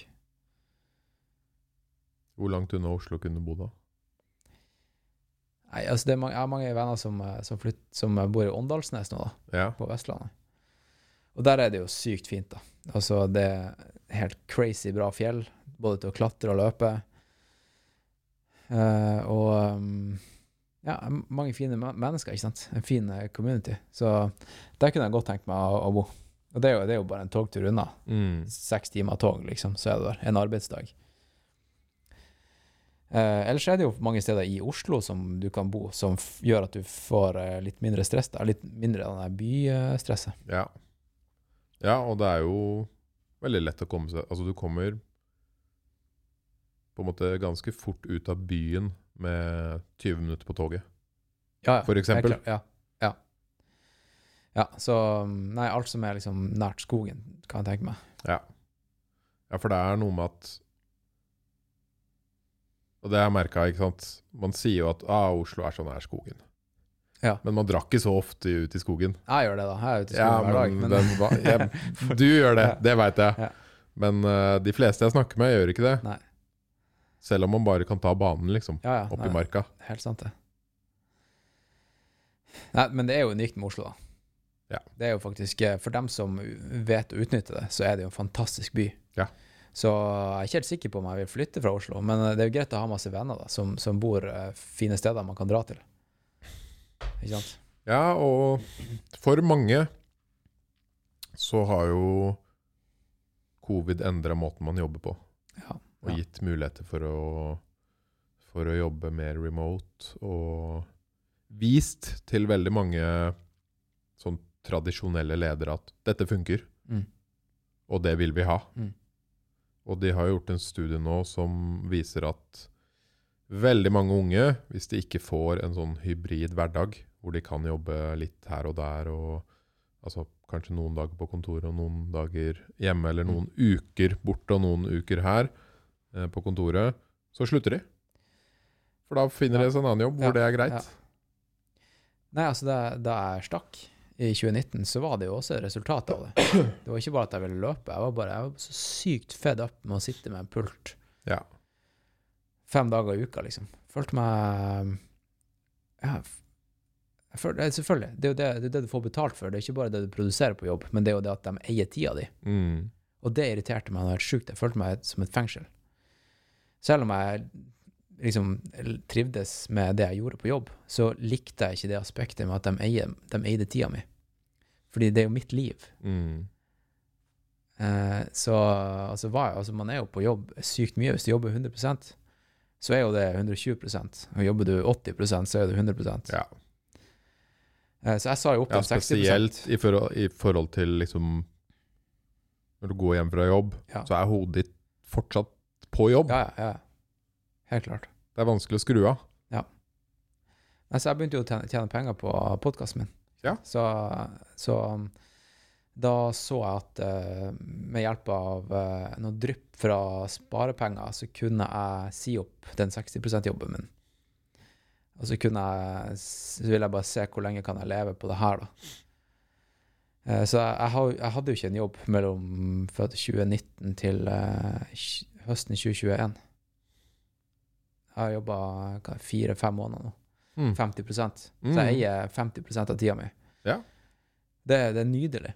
Ja, det er på en måte sånn jeg tror hverdagen for mange kommer til å bli Ja. i framtiden. Ja. Og spesielt under covid har folk endelig fått tid til å tenke på disse tingene. Ja. Fordi du Samfunnet og alt stopper ikke bare sånn og gir deg et år å tenke på. Nei, men det er ikke alle tid. yrker du kan gjøre det, da. Altså, Det er- det er sykt sant. mange yrker du må være til stede. Sykepleiere, ikke sant, for Ja. eksempel. Samboeren min er lege, Ja. og hun er bare sånn mm, Nei, det kommer aldri til å skje. Nei, Sant? Aldri. Nei. Eller kanskje det er noen remote legegreier, men det har hun sagt at hun ikke har så troa på. Det er jo, det, er det er Foreløpig. liksom, grunnen til at du driver med yrket ditt, er jo at du liker å være med mennesker. Ja. Forhåpentligvis, da. Du, er du sykepleier, så liker du det fordi at du er en omsorgsperson. mm.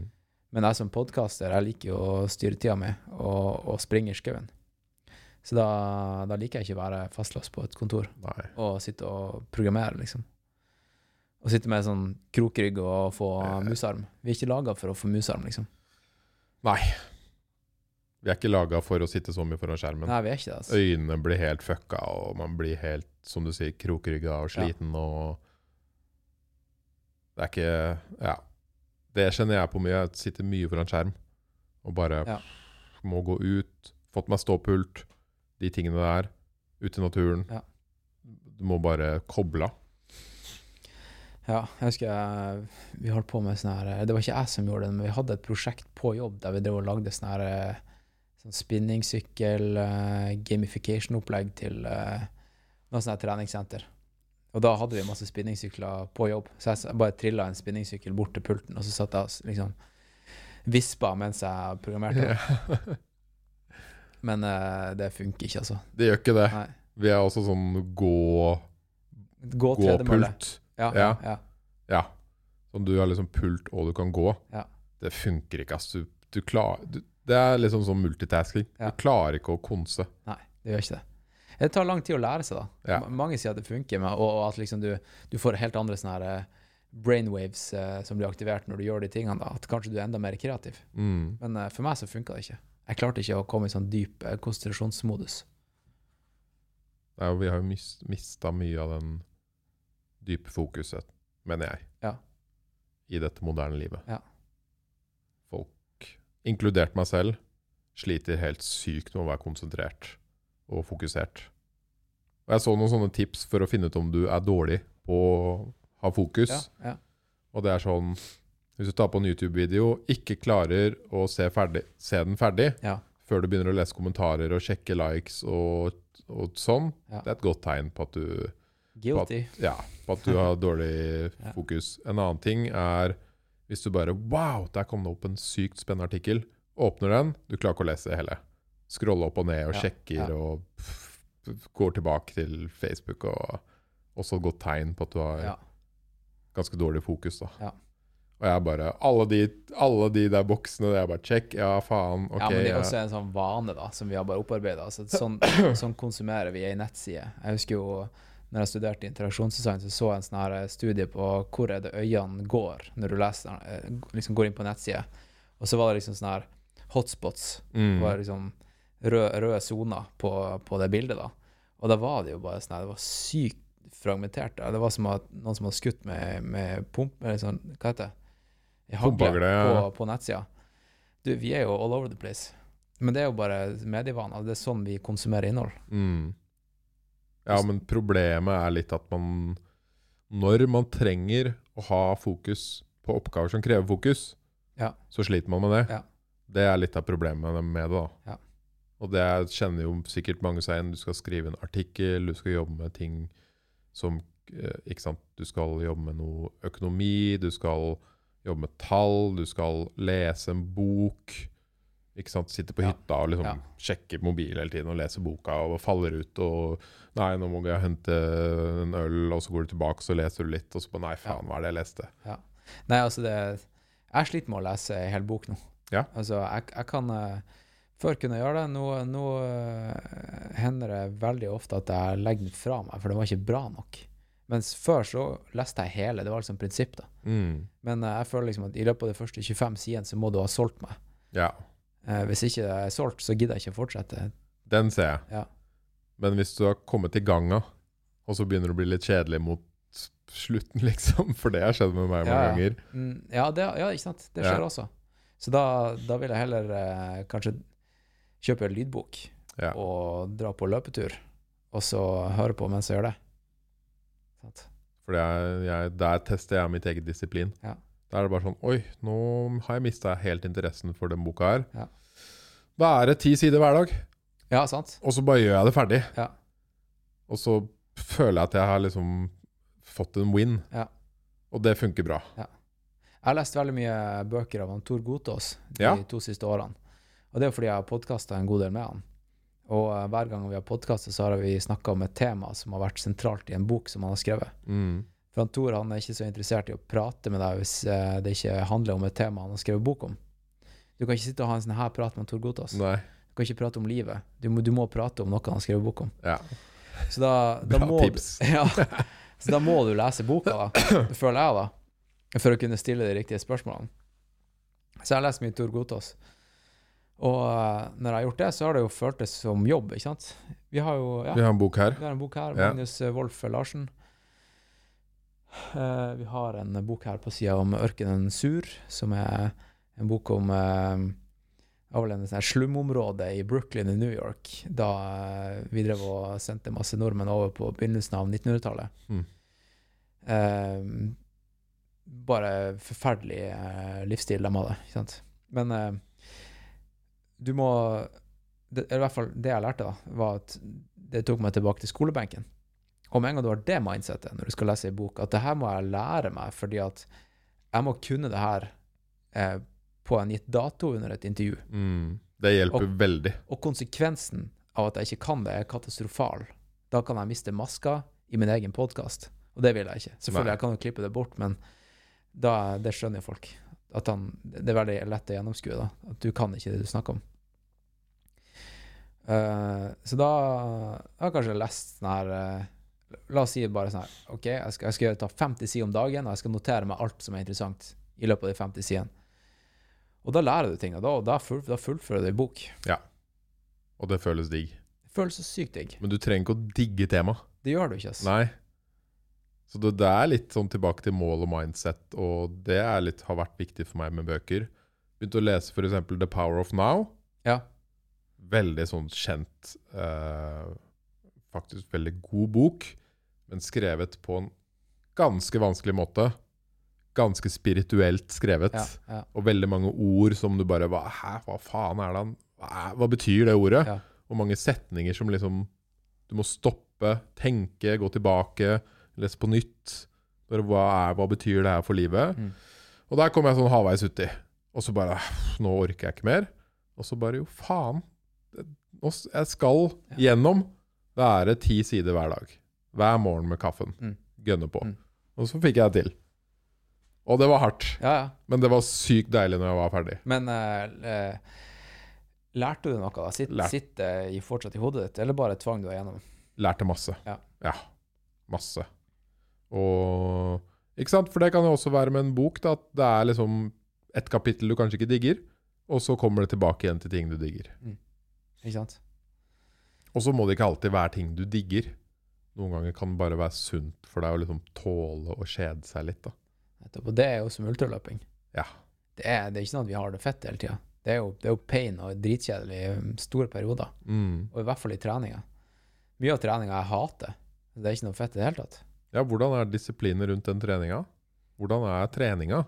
Når liksom Når du skulle løpe det lange ja. Eh, hvor- Hvordan bygger du opp uka di? Først så ser jeg liksom hva, hva de må gjøre på jobb. Altså, hvordan, hvordan, eh, hvordan ting i uka mi er det som jeg ikke kan uh, gjøre noe med. Ja. Og så bygger jeg treninga opp rundt det. da. Og eh, nå, er, nå er det såpass langt unna et løp at uh, nå gjør jeg andre ting på vinteren. Men la oss si ned mot våren, da. At når du begynner å nærme seg, så blir du mer eh, spissa og mer relevant for det som skjer på løpsdagen. Mm. Så det er selvfølgelig mye løping, da. Men mesteparten er jo rolig. eh, og mange lange turer. Eh, kanskje, kanskje to hardøkter i uka. Ene med intervaller, som kanskje er litt flatere. Andre som er veldig eh, mye motbakker. Jeg tok, jeg husker jeg før, før jeg dro til Frankrike i sommer, så dro jeg veldig mye. Jeg tok tog inn til eh, Varingskollen. Så vet du hvor det er, med Nittedal. Nei. Det er så slalåmanlegg der. Ja. Eh, og, som er i Varingskollen. Jeg sprang opp og ned der, da. Og det er perfekt. Da tok det meg sånn her Jeg husker ikke, men det er liksom Du får ganske enkelt 1000-1500 høydemeter med å gjøre det opp og ned. Og um, For det er ikke så mye fjell i Oslo, ikke sant. Du må prøve å simulere det som skjer i Alpene, og det er jo nesten umulig. Du må egentlig til Alpene for å trene spesifikt, men du kan i hvert fall liksom på papiret da ha gjort unna så og så mange høydemeter. Men det gir deg liksom ikke den nøyaktige stimulien, da. Nei. Men du føler i hvert fall at du har gjort en innsats. Med liksom eh, det utstyret du skal løpe med. Og hva er det, da? Hva er man har Nei, i så det er jo løpesko. Ja. Det er løpesko også. Og så skal du jobbe, en- jogge i 20 timer, så må du ha litt greier i sekken. Ja, du må ha litt greier i sekken. Nå er det jo noen matstasjoner da, underveis på det løpet, Ja. så du får liksom fylt på. da. Men uh, du, ja, du bruker staver, liksom, til og med, i, i de skikkelig lange fjelløpene. Og da må du ha øvd på å bruke staver. Og det er ikke noe rocket science, det, da, men det er jo også Du, du må ha trent på det. Men liksom ei, ei uke kan eh, da ligge Da kan jeg ligge på liksom 130-140 km på ei treningsuke. Mm. Og det er jo ikke ekstremt i det hele tatt. For- Det er mange andre som springer lengre. Ja. Men for meg da, så er det en sweet spot. Uh, så da er det kanskje jeg vet ikke, 15 15-20 timer med løping. Wow. Ja. Og er, ikke sant? tilbake til det, det er ikke alltid du digger det. Nei, nei. Det er ikke alltid du har lyst. Det kan, det kan være drittvær, Ja. men du må fortsatt ut fordi at du har det løpet som du skal prestere på. Og så kan du begynne å tvile liksom, på hva, hvorfor skal jeg prestere på det løpet. Du kan begynne å sette spørsmålstegn med alt. Hvorfor skal jeg gidde det? Men det er jo karakterbyggende, da. Å dra ut på de kjipe dagene. Mm. Og det er litt som uh, Føles det du sier nå, litt som når man sitter og mediterer. Mm. Så er det så mye ting du må jobbe med i huet ditt. Hvordan er det når du er ute og jogger? Får du en sånn meditasjonsfeeling over det? Eh, jeg har meditert også en god del, og så jeg kan sammenligne det. Ja. Um, eller jeg kan Jeg kan snakke om det, da. I hvert fall. Uh, og det er ikke det samme. Nei. Ikke i det hele tatt. Mange sier liksom jeg kommer inn i runners high, og det er det samme som å meditere. Og jeg trenger ikke å meditere, fordi jeg springer jo. Det er min meditasjon. Mm. Men det er bullshit, da. Ja. Men det er jo ikke alle som trenger å meditere. Det er ikke alle som trenger å løpe. Men det er ikke det samme. Eh, Du kommer inn i en flow, og det, det er nice, det, da. Eh, Men for, for meg så eh, Du kan ikke kontrollere når du gjør det. Men i meditasjonen så er det mer kontrollerbart. Da setter du deg ned der målet ditt er å komme inn i flowen. Når du er ute og springer, så er ikke målet mitt å komme inn i flow. Mm. Målet mitt er å trene og ha det fett i skauen. Mm. Og så skjer det. Skjer det, så skjer det. Men, men du har jo liksom de her tilfellene der du bare føler sånn her Shit, hvor ble det av de fem timene? Wow. Ikke sant? Og, og, og du kan ikke kontrollere det, men plutselig så skjer det. Og du føler deg ikke sliten engang. Og det, det er helt magisk, altså. Og den, den haien der, den kan du ikke replikere, replikere i en uh, meditasjon. Uh, men det er mange som uh, Nå driver jeg og klatrer en god del. da. Mange klatrere som også sier det. Eh, at, at du kommer i en sånn, sånn modus. Og jo mer jeg liksom gjør dypdykk i forskjellige idretter, så har alle, de, alle oss sier at det her er min meditasjon. ikke sant? Så det er ikke en idrett som er bedre enn den andre når det kommer Men til da det. mener de, som du sier, at man kanskje havner i det man typisk kaller flow state. da. Ja. Ja. Det handler jo om det. Ja. Og, og klatring da er en helt annen type flow state. Fordi når jeg klatrer, så, så tenker jeg kun på det neste flyttet, og, og, ikke, øh, og ikke tryne. Ikke falle, ikke sant. For det får fatale konsekvenser. Mm. Men du får ikke fatale konsekvenser med løping. Så um, det er en helt annen type Du, du tenker ikke på risiko da, når du springer. Med mindre du springer på et fjell, da, der det er risiko. Men, men det risikomomentet gjør jo at du kommer i en helt uh, annen type flow. Der du Du må. Mm. Og du må ikke komme inn i Du blir ikke tvunget inn i noe når du skal meditere. Heller ikke når du springer. Men når du klatrer, så må du. Ja. Og det er litt sånn juks. Noen sier at det er juks. Noen sier at det er juks å kalle det meditering når du springer, for da, da gjør du noe fysisk for å komme deg inn i det. Mens når du sitter på gulvet hjemme, så må du kjede deg til døde før du kommer inn i det stadiet. Mm. Og da har du jobba for det. Det er da du har jobba for det. Når du ikke har brent en kalori for å komme inn i det. Så hva er meditasjon, da, liksom?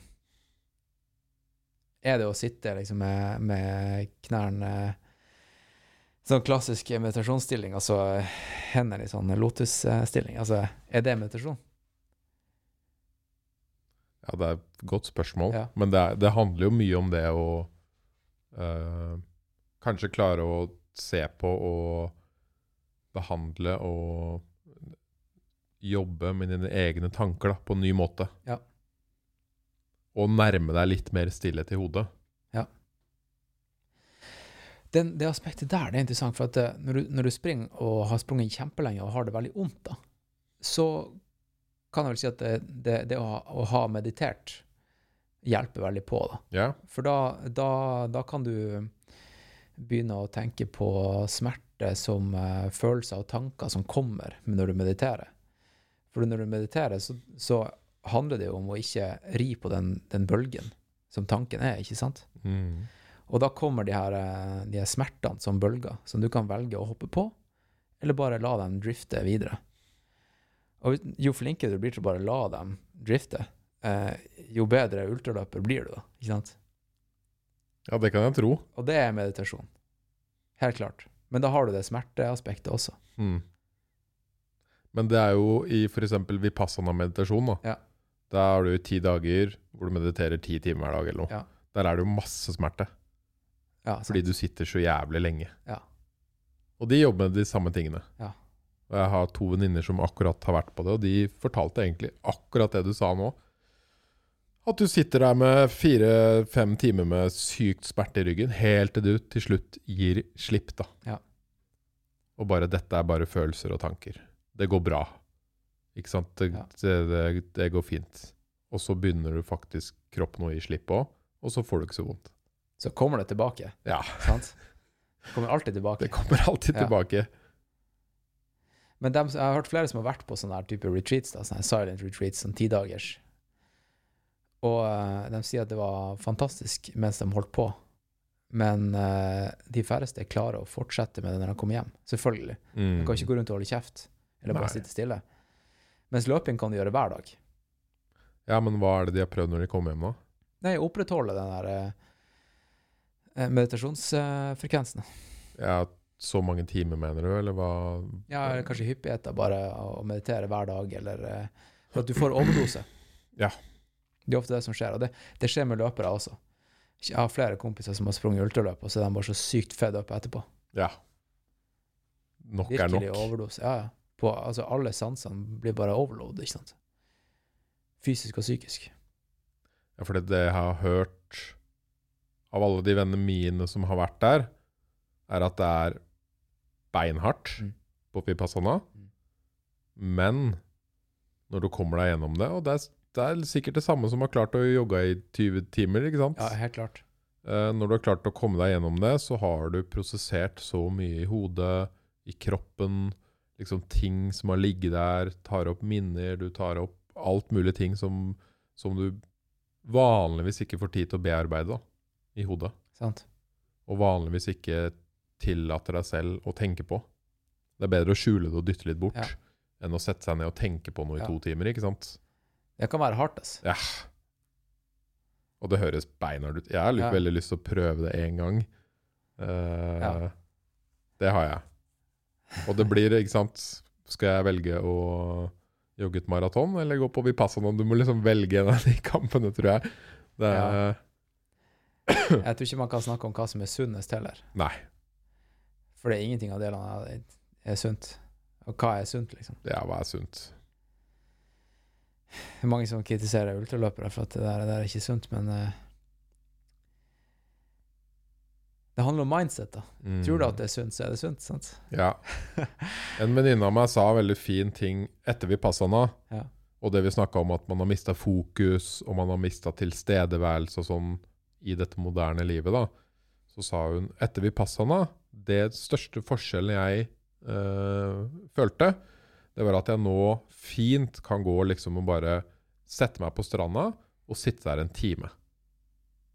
Uten å sjekke mobilen, uten å liksom tenke så mye på verden rundt, men bare slappe av og nyte tilstedeværelsen. Sånn som det var før internett. Yes. Ja. Før notifications. Ja. Ja. Du kan bare, hun kan bare gå rolig, ikke sant. Og det her er jo helt basic shit, Mm. egentlig. Det er jo det. At hun bare kunne jeg, Nei, jeg kan bare tusle ut i skogen, ha med en sittematte, og bare sitte her i to timer. Ja. Og nyte det. Høre på lyder og slappe av og Og det er jo vanskelig for folk i dag. Ja, altså, i dag la jeg telefonen igjen hjemme. Ja. Jeg ute og løp. Fantastisk. Ja. Ja, helt fantastisk. Jeg pleier også å gjøre det når jeg trener. Ja. Altså Av og til, da, ikke alltid. Men, uh, men de gangene jeg gjør det, så får jeg som oftest mye bedre trening. Ja. Og så trener jeg mye kjappere. Altså en, en si hvis økten egentlig tar 90 minutter, da tar den 60. Mm. Eller tar den 60, så tar den 40. Ja, sant. Fordi du er mye mer fokusert. Du, og i tillegg, den andre aspektet med det, spesielt hvis man trener på treningsstudio, er at du faktisk ser på menneskene rundt Ikke deg. sant? Og kanskje får en samtale eller noe. Ja, ja. Og det har jeg reagert på i det siste, fordi man blir bevisst på det når man ikke har mobilen. At hvis du er på treningssenter Altså, folk er jo helt roboter. De er jo det. Ja, Det er det er kjempeartig. Og nå har, de, nå har de begynt nesten å skru av musikken på treningssentrene, for Ja. de vet at alle har på seg headset. Ja. Så hvis du er den ene uten headset, så er det faktisk ganske fascinerende. Og mange som, som stønner og, og, og grynter en god del, da, for de Mm. hører ikke seg sjøl. Og det, det er det jeg liker med å trene uten headset også, er liksom at du hører pusten din. Og pusten din er så jævlig viktig når du trener. Spesielt styrke, da. Ja, selvfølgelig også med løping. Men, men pusten din og hvilken kraft den har da, når du skal løfte noe tungt. Også når du springer. Ja. Men uh, hvis du bare luker bort én sans, det er jo ikke bra for deg. Nei. Altså hvis du tar bort uh, hørselen, eller tar bort synet, uansett, det er ikke bra for deg. Så jeg vet det er mange som eh, Jeg har lest litt uh, om at du kan faktisk bli, få sånn type runners knee og slitasjeskader av å løpe med headset, fordi at du ikke hører hvor hardt foten din treffer bakken når du springer. Nettopp. Du tillater deg sjøl å, å liksom dunke beina i bakken. Mm. Kjempehardt. Hadde du hørt lyden som hadde kommet når du traff bakken, og det hadde vært eh, skikkelig høy lyd, så ville du kanskje løpt litt annerledes. Eller kanskje du subber mye, ikke sant? Ja. men du hører det ikke. Fordi du har på deg headset, og du hører på liksom hardcore-musikk. Ikke sant? Ja. Samme når du trener styrke, egentlig. Ja, ja. Det, det er, altså, det, selvfølgelig funker det uh, bra å høre på noe heftig heavy metal eller noe når du skal løfte tungt. Det funker bra på sin måte, Mm. men samtidig mister du det fokuset ofte av å lytte til kroppen, som du sier, og se på kroppen, og liksom du bare rah, skriker og løfter noe. Ja, ja. Helt klart. Og så, så, så liksom Du vet, du har kanskje drevet med yoga og sånn der? Ja. Du vet den siste delen av yoga, når alle bare ligger der, eh, og du egentlig bare tar inn alt du har gjort den siste timen. Det er jo fantastisk. Du Mm. absorberer det. Du fordøyer det du har gjort. Tenk litt over livet. Nesten en meditasjon i seg sjøl. Jeg er ganske sikker på at eh, at det burde man gjøre hver gang man trener. Ikke bare yoga, men alle burde ha den cooldown-perioden. Ja. For det, hvis du er på treningssenter og har headset på og bare rusher ut av treningssenteret med, med musikk på øret og skal nå en, en eller annen buss, så får du mindre effekt av treninga, fordi at du har ikke mentalt absorbert det du gjorde på økta. Ta deg ti Mm. minutter. Det bruker jeg å gjøre. Bare ligg på rygg i det der eh, tøyerommet, og bare tenk over hva skjedde den siste timen her. Hvilken stimuli har du gitt kroppen? Og hva skal du gjøre når du kommer hjem for at du skal kunne absorbere det, og, og bli bedre til neste økt? Ja, det er jo en grunn til at yogafolka gjør det. Ja, ja. De har holdt på med dette i 2000 år. Ikke sant?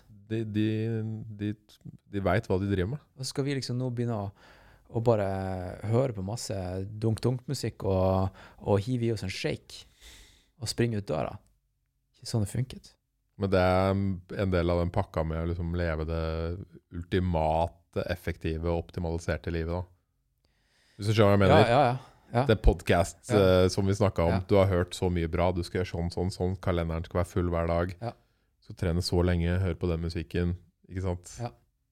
Hun samme, samme mm, som eh, hadde gjort en studie på, eh, på milkshaken, Ja. Hun gjorde også en studie på, um, på det her temaet om, om placebo, mindset og trening. Og da var det en, en, et studie på um, Som hun gjorde på Du vet sånne som jobber på hoteller, som eh, fikser rommene og vasker og sånt. Jeg vet ikke hva det heter. Nei, men jeg vet Men hva du du skjønner Ja. yrket, yrket jeg snakker om. Og da de spurte, jeg husker ikke hvor mange det var, la oss si at det var 100, da. Hvor, eh, eh, hvor mye føler du, føler du at du trener nok i hverdagen? For de visste at de her menneskene trente mye mer enn de fleste, bare pga. jobben sin. mm. Og meste, flesteparten sa at eh, jeg, får ikke, jeg får ikke trent nok. Men de var jo egentlig maskiner, ikke sant? Ja. Men de, de var ikke på et treningssenter, så dermed var ikke det trening. Eh, og så Jeg vet ikke helt, jeg husker ikke hvordan det studiet eh, foregikk, men, men de eh, tok liksom, la oss si 50 eh, og gjorde det til ei gruppe, og 50 til den andre gruppa. Og så fortalte de den ene gruppa at vet du hva, det du gjør på, i løpet av en, en arbeidsdag, det er mer enn nok. Altså, du er en maskin. Du er, du er en ultraløper. Du er sterk, du er sunn. Det her er dritbra trening. Mens du fortalte nesten det motsatte til den andre gruppa. Og det de så da, med den andre gruppa som, som ble fortalt at de var maskiner og dritbra trent, det var at eh, deres hormonelle respons ble helt annerledes. Mm. Og de sov bedre, de gikk ned i vekt, og, eh, og ting bare fløyt bedre i livet deres da. Bare det de fett. ble fortalt. Og det, du kan tenke deg alle liksom bønder, snekkere, Ja, rørleggere Alle sånne folk som har sykt aktive jobber. Ja. Hvor du bruker kroppen hele dagen. Ja. Og du egentlig står i masse uh, forskjellige posisjoner. Du løfter masse ting. ikke sant? Du, du står hele dagen. Ja. Det er jo egentlig sånn kroppen vil ha det. Men så har man et dårlig mindset, da, som du sier. Og det gjør at man blir Det blir usunt. Nei, jeg tror det handler om å bare vite, det, vite at det du gjør er nok, og Ja. godt nok. Så får du det bedre med deg sjøl. Og at det du spiser, er bra, liksom. Mm. Selvfølgelig, noen trenger en korrigering, men alle trenger ikke å liksom hige etter det som på papiret er optimalt, fordi at kanskje det du gjør er godt nok, og det eneste du trenger å gjøre for å bli en superperformer, er egentlig bare å bli fortalt at det du gjør er bra nok. Wow. Sant? Og Ja. det er next level. Det er next level. Det er det, altså. Mm. Og da, og da, når du sitter på den kunnskapen her, da, så tenker jeg at du må også være smart nok, men også dum nok til å kunne spille på din egen placebo. Hvis du vet at du er litt naiv Jeg tror det, jeg husker ikke hvor jeg hørte det, men det var sånn 106-syndromet. At du er, du er smart nok til å, til å uttale deg om eh, masse ting som du ikke er egentlig er ekspert på, og ikke, og ikke dum nok til å, til å skjønne at eh, det du sier er feil. Er det, er det ikke noe sånt? Jo, det er noe Ja. i den duren der. Men jeg tror eh, kanskje dem som er, har 106 IQ, også burde vite at de har 106 IQ. For da kan de også spille på det. Ja. Jeg tror jeg er ganske sikker på at jeg er sånn i samme sjiktet, da. Kanskje, eller kanskje jeg har litt mer. Jeg tror jeg har sånn 125. Jeg tror jeg har testet. men, men la oss si da at, at, at du vet at det er bra for deg å gå inn i noe ganske naivt. Fordi at hvis du får for mye informasjon om et felt, så kommer det til å være Du kommer til å bryte deg ned. Eh, og sånn var det når jeg løp mitt første ultraløp. Jeg valgte å ikke vite for mye om løypa. Jeg valgte å ikke få masse altså, altfor mye info om det. Fordi jeg visste at denne naiviteten kom til å gjøre at jeg presterte over evne. Mm. Og det gjorde jeg. Det er veldig interessant. Ikke sant?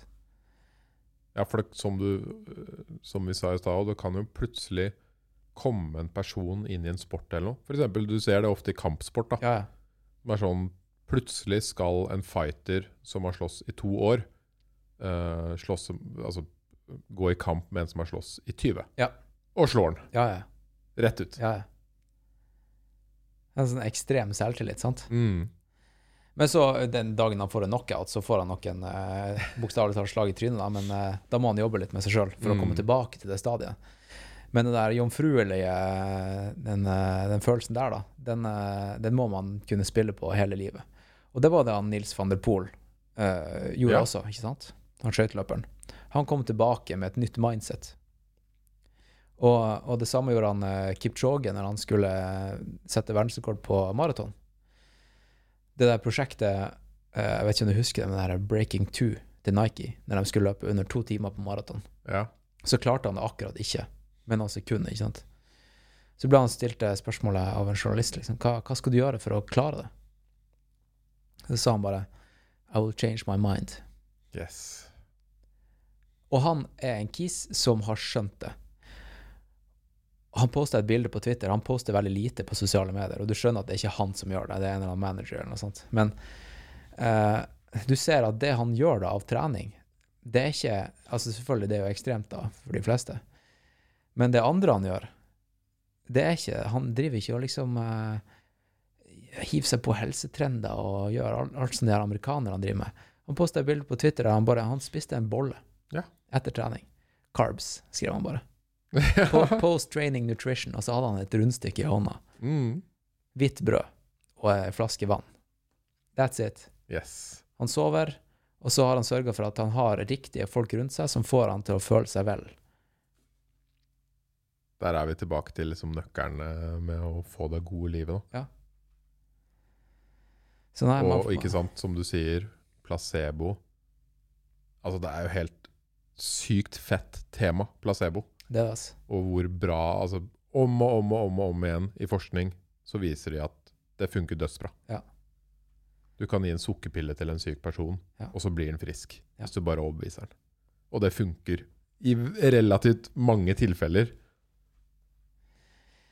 Så da, da Altså, på, på denne lista med, med bivirkninger også, ikke sant Jeg lurer på om, eh, om eh, Ikke bare lista med bivirkninger, men altså alt spiller inn når du tar ei pille.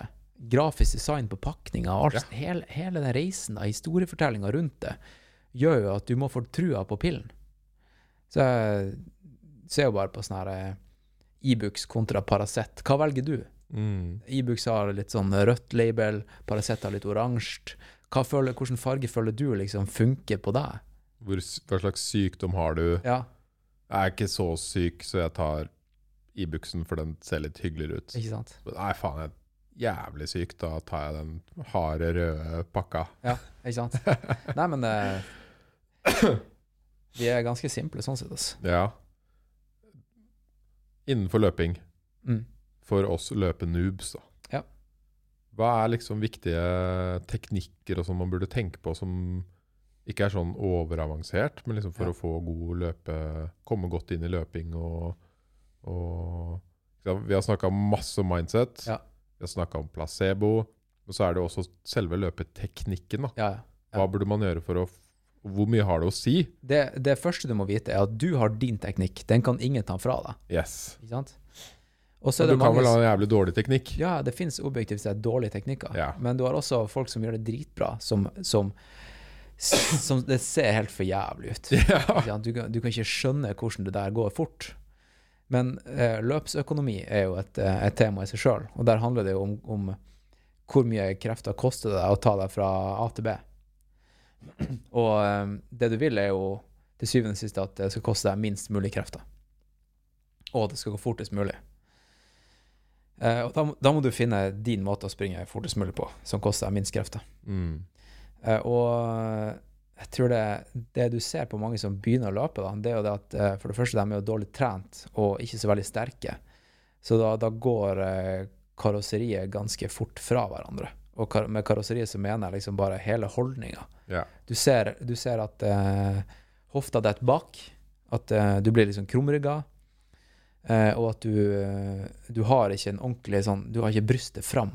Mm. Du er, ikke, du er ikke en kriger, en warrior, ikke sant, når du springer. Eh, og ja, for det brystet fram har jeg hørt. fram Det går ofte igjen i liksom løpevideoer og sånn jeg har hørt på. Mm. Løpe Det er noe folk ofte sier. Skyte brystet fram. Ja.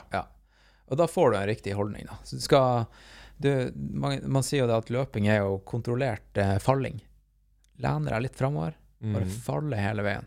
Mm. Skyter brystet fram, og da, da skjer de riktige tingene. Og så um, så Bryst fram. Bra. Bryst, bryst fram. Opp og fram. Ja. Warrior. Ja. Yes. Bra tips. Og, og ikke, ikke føle at uh, din måte å løpe på er feil, for den er rett. da. Det er alltid ting å pirke på. Mm. Og så, så har du hele den her eh, debatten som jeg føler er lagt litt død, da, og det er den her eh, forfot eh, Hvordan Altså hvor, hvor på fotbladet du skal lande når du treffer bakken. Ja, det regner jeg med at det en stor, har vært en stor debatt. Ja, kjempestor debatt. Og det var en bok som, ble, som kom ut, jeg tror jeg var i det var 2011 eller noe sånt, der, eller kanskje før det. Uh, 'Born to Run'. Yeah. Christopher McDougall, tror jeg var forfatteren. Og um, der var det jo veldig mye snakk om det her taruhar, ta, tama, Tamahuara, eller noe sånt, indianere, som var en Mm. sånn her tribe i Mexico, som sprang eh, barbeint og var ultraløpere og har eh, sånn, drevet med sånn her eh, Ja, og bare sprunget sykt lange distanser, da, i flere tusen år. Eh, nå har jeg ikke lest boka, da, men eh, det er i hvert fall det her jeg har fått ut av det. Eh, og da var det mange som begynte å løpe barbeint, fordi at det liksom var det mest naturlige. da. At hvis du springer, Teorien da er at hvis du springer barbeint, så springer du ikke for fort. Mm. Du kan se på at Hvis du har på deg store hokasko med svære puter under seg, så springer du jo på en helt annen måte enn du ville sprunget barbeint. Ja. Selvfølgelig gjør du det. Var det på den tida også disse her eh, barbeintskoa kom? Ja, ja, ja. ja, ja, det Fordi da prøvde de liksom å bygge en bro mellom løpesko og barbeintløping. Sånn at du ikke skulle få den her eh, ripe opp eh, føttene dine hvis du fikk en, en spiss stein under foten, ikke sant? så skulle du allikevel klare å ivareta barfotsteget. Og det da er jo teorien det at, det at eh, du kan ikke løpe så fort at det er farlig for eh, ledd og alt sånt der, hvis du springer barbeint. For da har du en naturlig begrensning. For det gjør vondt under føttene Ja. hvis du springer kjempefort barbeint. Men har du på deg masse polstring og, og sånt under føttene, så kan du jo springe dritfort uten at du kjenner noe. Og da får du belastningsskader. Eh, og når du springer barbeint, så springer du naturlig på forfot, fordi det gjør vondt å lande på hælen. Yes. Og Nike har jo gjennom sine reklamekampanjer og, og sånt siden 70-tallet pusha på det her steget med at du kan lande på hælen og rulle på hele fotbladet. ikke sant? Eh, så det, det er jo de to skolene. sant? Lande på hælen og rulle og dytte deg framover. Eller lande Gå- på Eller lande på forfot og skyte Det var det jeg lærte da jeg var liten. Ikke sant? Ja. Men der igjen, da. Du har din måte å løpe på. Men jeg tror ikke du finner din måte å løpe på hvis du starter å løpe med store hukkasko, f.eks. Okay. Nå bruker jeg hukka som et eksempel, da. men det er jo for at de liksom De Det- har jo liksom en sånn Ja, de har ti centimeter Ja. under deg, liksom. Så jeg tror du burde nok eh, begynne å løpe med sko som ikke er minimalistiske, men heller ikke maksimalistiske. Helt plaine sko, liksom. mm. Og så eh, ta det gradvis, og så kan det hjelpe veldig da, hvis du har lyst til å nerde litt. Bli filma mens du springer på tredemølla. Eh, bakfra, fra sida og forfra. Og send det til en som kan noe om det. Ja. og så få en liten analyse. Eh, og um, da er det igjen, da Skal man ikke høre for mye på ekspertene, fordi det er noen som ikke, vet, ikke skjønner da at alle har sin måte å løpe på, og begynner å pirke på andres måte å løpe på, det kan være farlig. Fordi hvis du da har en, sånn her, en eller annen ting i kneet ditt som gjør at sånn springer du, og det ser eh, rart ut, så gjør du det av en grunn. Og hvis du da begynner å tweake på steget ditt og kjøpe deg sko med masse padding i som bygger opp fotbuen din, eller eh, ikke sant, og du begynner å prøve å fikse på steget ditt, så kanskje du blir skada av det. Mm. Det er jo en klassiker. Så jeg tror bare du må, du må bare ta deg tida, da. Altså bare prøve å tenke på deg sjøl som, en- som en kriger. Lene deg framover. Har du prøvd å jogge med sånne arbeidssko, eller? Nei, men jeg husker jeg prøvde da det var den hypen, da. Så brukte jeg å avslutte Det her var når jeg var skøyteløper. Ja.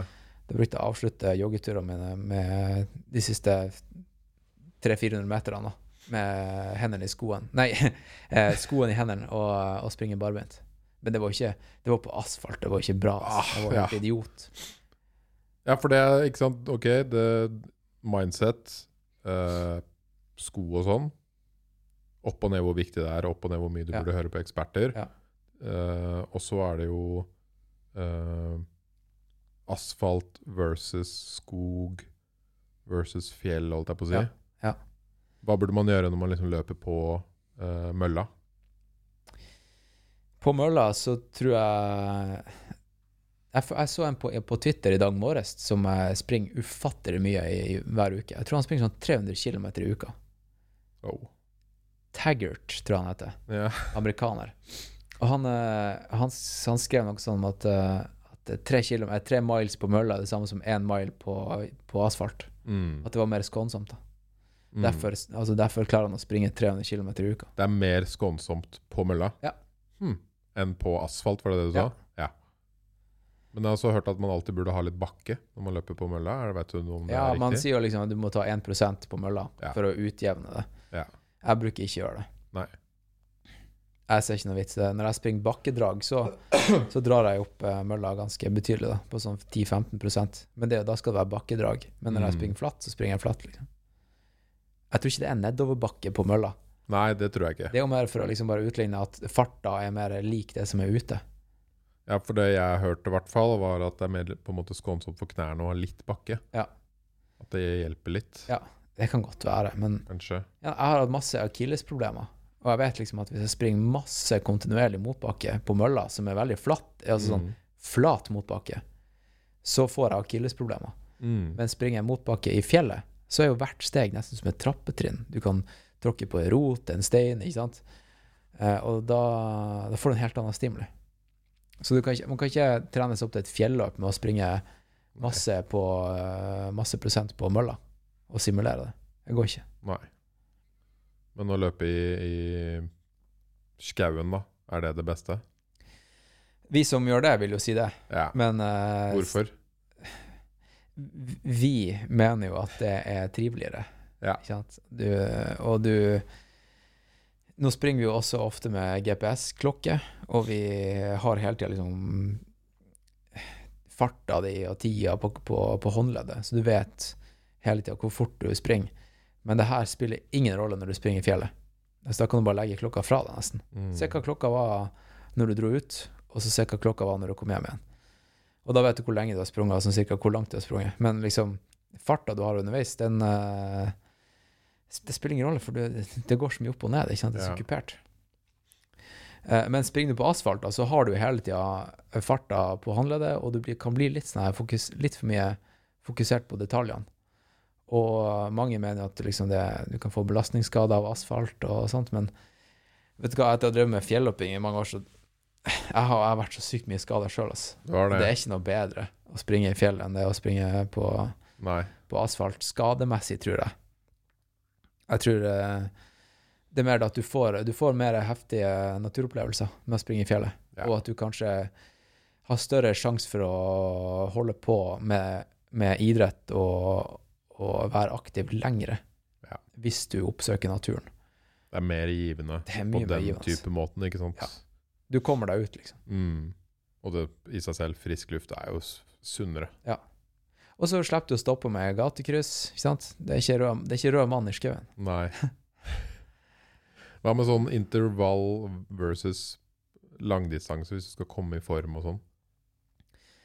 Intervall er jo, er jo eh, supereffektiv trening, fordi at som regel så klarer du ikke Altså, det er jo en veldig fin måte å ha mange minutter i høy intensitet på en økt. Hadde du, la oss si at du springer fire ganger ti minutter intervall, så hadde du nok ikke klart å løpe 40 minutter sammenhengende på den farta. Du trenger de pausene. Mm. Men det er en eh, fantastisk måte å, å ha mye høy puls, mye høy fart, på ei økt. ikke sant? Med, med at du får den hvilen imellom. Og det er vel en god måte hvis du er i relativt dårlig form, å komme fortere i bedre form, er det ikke det? helt klart. Helt Ja. klart. Nå, nå driver ikke jeg og trener Jeg var, jeg var løpetrener før, og jeg har aldri trent noen som var i skikkelig dårlig form, der jeg har tatt dem fra scratch, liksom. Nei, Eh, ikke skikkelig dårlig, da. Men Nei, nei, sånn. nei, nei. Men, men det å Det å løpe intervaller er selvfølgelig kjempeeffektivt. Mm. Men og så kan du liksom diskutere detaljer rundt eh, hvordan intervallene skal se ut. Skal det være fire ganger fire minutter eller eh, seks ganger seks eller whatever? Jeg, jeg tror ikke det er så sykt viktig. Hvis Nei. du tenker på at liksom du er i 25-40 minutter i dragtid totalt i økta, så kan du egentlig gjøre hva du vil.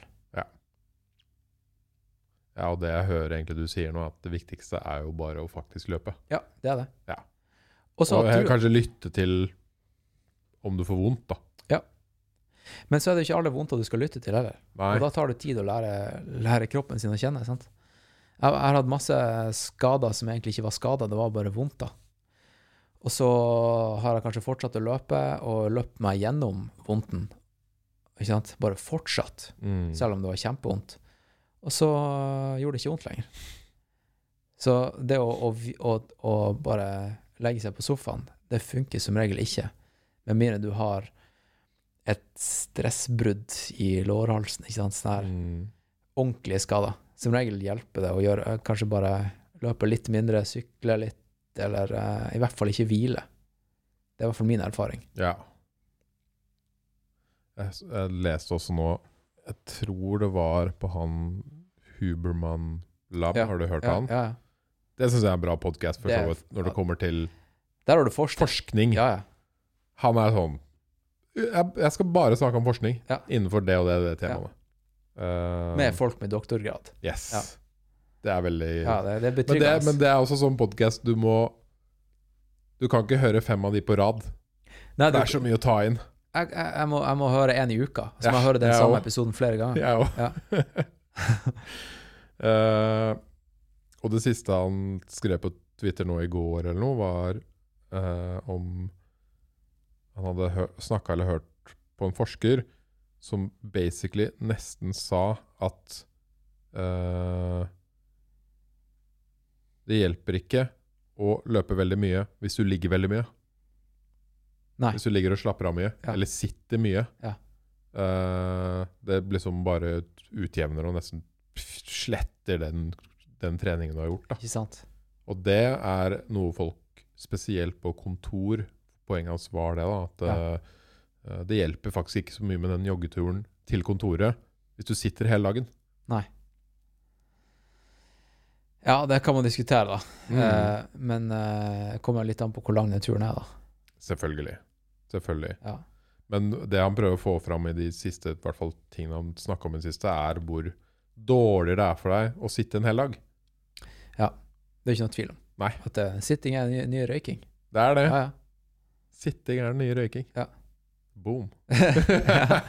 ja, men det er sant, da. ja. Jeg tror det kommer til å bli akkurat som eh, vi hadde med røykeloven for eh, hvor lenge er det siden? 20 år siden nå. Sånn kommer det til å bli med sitting. Nye sitteloven. Ja. Det håper jeg. Ja, ja. At man, eh, man, man blir oppfordra til å komme seg ut og løpe eller trene i arbeidsdagen. Og det er helt sykt hvor fort du blir vant til å bare stå Jeg har fått sånn ståpult hjemme og hatt på jobb i mange år òg. Hvor fort du bare blir vant til å stå en hel dag Mm. på jobb. Mm. Og selvfølgelig bytte litt på, da, men, Ja, ja, eh, men du, du, du, det går veldig fort over til at du ikke tenker så mye på det. Og så har jeg sånn fitness tracker, jeg òg, Mm. som bare Oi, Jeg har stått i fem timer og forbrent masse. Sant? For du gjør det. Ja, ja. Da er kroppen i gang. Hvilken fitness-tracker bruker du? Jeg bruker Whoop. Du bruker Whoop, ja? Ja. Altså Whoop Strap? Ja. Får jeg se på den? Fett. Er det noe display på den? Nei. Den er bare en strap? Det er helt plain. Liksom. Og hva, hva forteller den, da? Gir den deg liksom eh, sånn der Den fortalte meg HRV-måling at jeg hadde fått covid Seriøst? Ja. Nei. dagen før. Sto det covid, eller sto det Ja, at du det var sto syk? du har eh, sannsynligvis covid og må teste deg. Satan. Basert på liksom dataene Ja. Hjerterytmen din. At du har ujevn hjerterytme ja. og et par faktorer til. Mm. Og så våkna jeg opp dagen etterpå, og det var jo helt sinnssykt, fordi den fokuserer jo mye på recovery. Og i forhold til søvn, hjerterytme og mange andre faktorer. Og basert på din recovery uh, i løpet av et døgn, så viser den deg hvor hardt du kan trene. Ja. Så hvor mye kan du straine kroppen, Ja. og gir deg anbefaling. Uh, og natta etter jeg hadde fått sånn beskjed at jeg sannsynligvis har covid, så hadde jeg 1% recovery. Og det, altså det, er, og det var bare rødt overalt på hele appen. Har du noen gang opplevd at uh, klokka har fortalt deg noe som du føler ikke stemmer? At den har sagt at du er, ikke er opplagt, men at Yes. du føler deg veldig opplagt? Og det, det er en ting man alltid må ha i hodet, tenker jeg, med disse fitness-trackerne. Fordi du kan jo Kompisen min sa det på en veldig god måte. Han måtte slutte med det. Ja. Fordi han sa han sto opp, smilte og hadde en, egentlig en kjempefin dag, helt til han sjekka fitness-trackeren sin, Ja, ja. hvor det sto at han hadde sovet kjempedårlig. Ja. Og det ødela dagen hans. Ikke sant? Ja, der har du mindsetet, da. Yes. Ja. Det ødelegger din eh, godfølelse og din historiefortelling, og du forteller deg sjøl. Og så er det på den andre siden, da, som dama mi ofte sier til meg, at hun er kjempedårlig til å lytte til kroppen sin. Og ikke, ikke kjempedårlig, hun føler at hun er ganske dårlig til det. Som vil si at hun godt kan uh, Egentlig ha hatt en Egentlig våkne opp og være kjempesliten, ikke sant? Og på vei til å bli syk. Men du går og gønner maks på jobb, du trener maks, du, du liksom makser alt. Ja. Og så blir du syk. Ja. For eksempel. Ja. Så det er jo den andre siden av det. Ikke sant? Nei, det, det er derfor jeg også ikke har en sånn whoopstrap. Ja. Jeg liker å kjenne etter. Ja. Jeg, jeg kjente jo når jeg fikk covid at nå er jeg syk, liksom. Jeg skal ikke trene. Jeg har mest sannsynligvis covid. Jeg trengte ikke en whoop for å fortelle meg det. Nei. Men det er jo veldig kult at den klarte det. da. Veldig. Man blir jo bare imponert over tekken når det stemmer. Yes. På samme måte som man blir imponert over eh, folk som har litt eh, evner til å snakke med, med eh, døde besteforeldre. Mm. Det treffer som regel ikke, men når det treffer, så blir du kjempeimponert. Ja. Altså, jeg tar det i hvert fall for litt sånn Kanskje spesielt Egentlig kanskje spesielt dager jeg står opp og føler meg litt sliten. Ja. Så er det gunstig å sjekke det. Ja. Og i forhold til hvor hardt jeg kan trene, så føler jeg det er superbra. Så Ja. det har den hjulpet meg med. Ja, men hvis den eh, gjør at du uh, har flere dårlige dager enn eh, gode dager, så må du bare kvitte deg med det. Ja, ja. For da igjen, da, så det blir som om kompisen din, eller Ja. Jeg vet det jo er Også noen jeg har snakka med som uh, har drevet og gått ned i vekt, ikke sant, og veier seg hele tida. Ja. Og hver gang de ikke har gått ned i vekt, så blir de i dårlig humør. Og da er jo det en ond spiral, ikke sant, for da, Mm. da føler de at de ikke gjør, gjør nok. Men eh, hvis de hadde bare blitt fortalt om at de gjør nok, så kommer de nok til å rase ned i vekt. Mm. Ja, man må ha den balansen, altså. Det, det tenker jeg på med så mye ting i livet. Ja. Absolutt. Med mat og ernæring og trening og data og fitness tracker og liksom Du kan bli gal av alle de tingene der. Ja. Og gå for dypt inn i alt. Ja. Og glemme igjen å kose deg i livet. Det er sant, altså. Mm.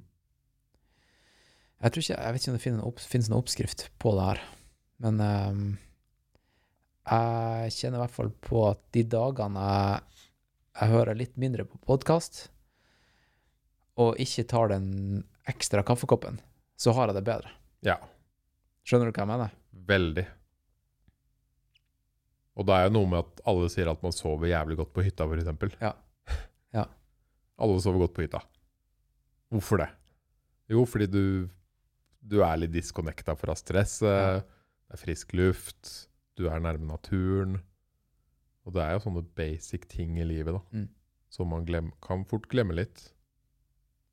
Hva skjedde, altså? ja.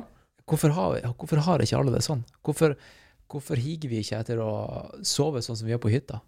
Hvorfor, eh, hvorfor bor vi ikke på hytta, liksom? Mm. Eller i sånne, sånne områder som er stille og En kompis av meg nå i fjor flytta til Nord-Norge. Ja. Langt utpå, jeg tror det heter Andøya der han bor. Ja. Der hvor de bygger sånn Space Station nå. Ja. Uh, og han Jeg har bodd med ham før, og jeg husker han sleit med søvn. Mye. Mm. Masse. Uh, og det gjorde også at han fikk angst av å tenke på søvn. Og så får du angst av å tenke på at Ja, du skal ja. få angst, og så er det sånn Det er utrolig ond sirkel. Så sover du dårlig, og så blir dagen dårlig, og så er det veldig sånn onde sirkler. Ja. Men en gang han flytta til Nord-Norge, sov han bra. Med en gang. Det er veldig rart, da, for at uh, mange i Nord-Norge sliter jo med, med døgnrytme. Da. Ja. Men, eh, men jeg skjønner hva du mener. Ja. ja, ja. Men eh, det var det jeg gjorde uh, da, da jeg innså, innså det her at det ble for mye løping. var at jeg pussa opp leiligheta. Ja. Uh, og, og gjorde studioleiligheta mi med sovealkove om til en toroms med Mm. soverom. Der jeg kunne ha det mørkt på soverommet, sånn at jeg sov ordentlig. Og ha liksom to, to separate rom. da. Soverommet var, var et sted for å sove. Sant? Det, det har gjort underverker. Det er også interessant med den her. Du kan jo eh, Man har sånn Altså Nå ser jeg på fitness-trackeren min, Ja. men du har sånn daily diary, som er veldig enkel, hvor du bare velger en haug med ting du vil på en måte daglig si om du har gjort det eller ikke. Mm. Ikke sant? Alkohol, weed, vitamin D, magnesium. Eh, går du på vegan-diett? Går du på kjøtt? Spiser du kjøtt? Spiste du fisk i går? Du kan velge masse sånne forskjellige. Og så kom, Hver morgen dukker den opp, og så står det bare 'hva gjorde du i går'? Og så trykker du bare ja og nei. Ja, ja. Ikke sant? Og så på noen av tingene velger du klokkeslett. Når var det du drakk siste øl? Ja. Hvor mange øl drakk du i går? Og basert på all den dataen her, så har de jo også begynt å gjøre masse interessant forskning da, på dataen fra folket. ja, for de har tusenvis av mennesker. Masse, mange, Ja. mange, mange tusen mennesker som sender inn den data, eh, dataen anonymt. Og så får du også, eh, etter spesielt etter en måned, da, så begynner du å få gode råd i forhold til søvnen din. Ja. Og i forhold til din recovery. Men der har det også dukka opp sånne tips rundt søvn. da, Hvor det står sånn Basert på eh, dataen til 50 000 mennesker, kan vi nå si at f.eks. det å sove med eh, sånn øyemaske Ja. er kjempebra for søvn. For de fleste. Ja. Fordi det gjør det helt mørkt i rommet. Og så kan du si at magnesium funker generelt. Og det, de viser jo, det er også kult, de viser jo prosenter. Viser at folk sover i gjennomsnitt 5% bedre hver natt. Og er så og så mye mer i rem-sleep hver Ok, natt. ok. Så det har, vært, det har faktisk vært kule ting å lese. For det dukker opp sånn New Ja, science! New science! Det er jo dritfett. Ja, Det er real time. New Ja. science. ikke sant? Ja. Basert på det her, vitamin D har hjulpet folk med covid. Fordi det viser 10 000. ja, sant. Nå må du passe på hva du sier der. Ja. Det er cancela. Jeg skal, ja, wow!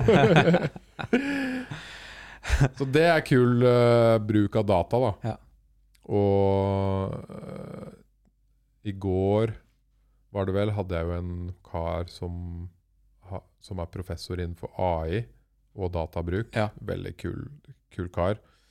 Og han sa jo at de ti neste årene, det som spesielt kommer til å skje innenfor data og kunstig intelligens, og de, alle de datamengdene som skapes nå i dag, er personifisert helse.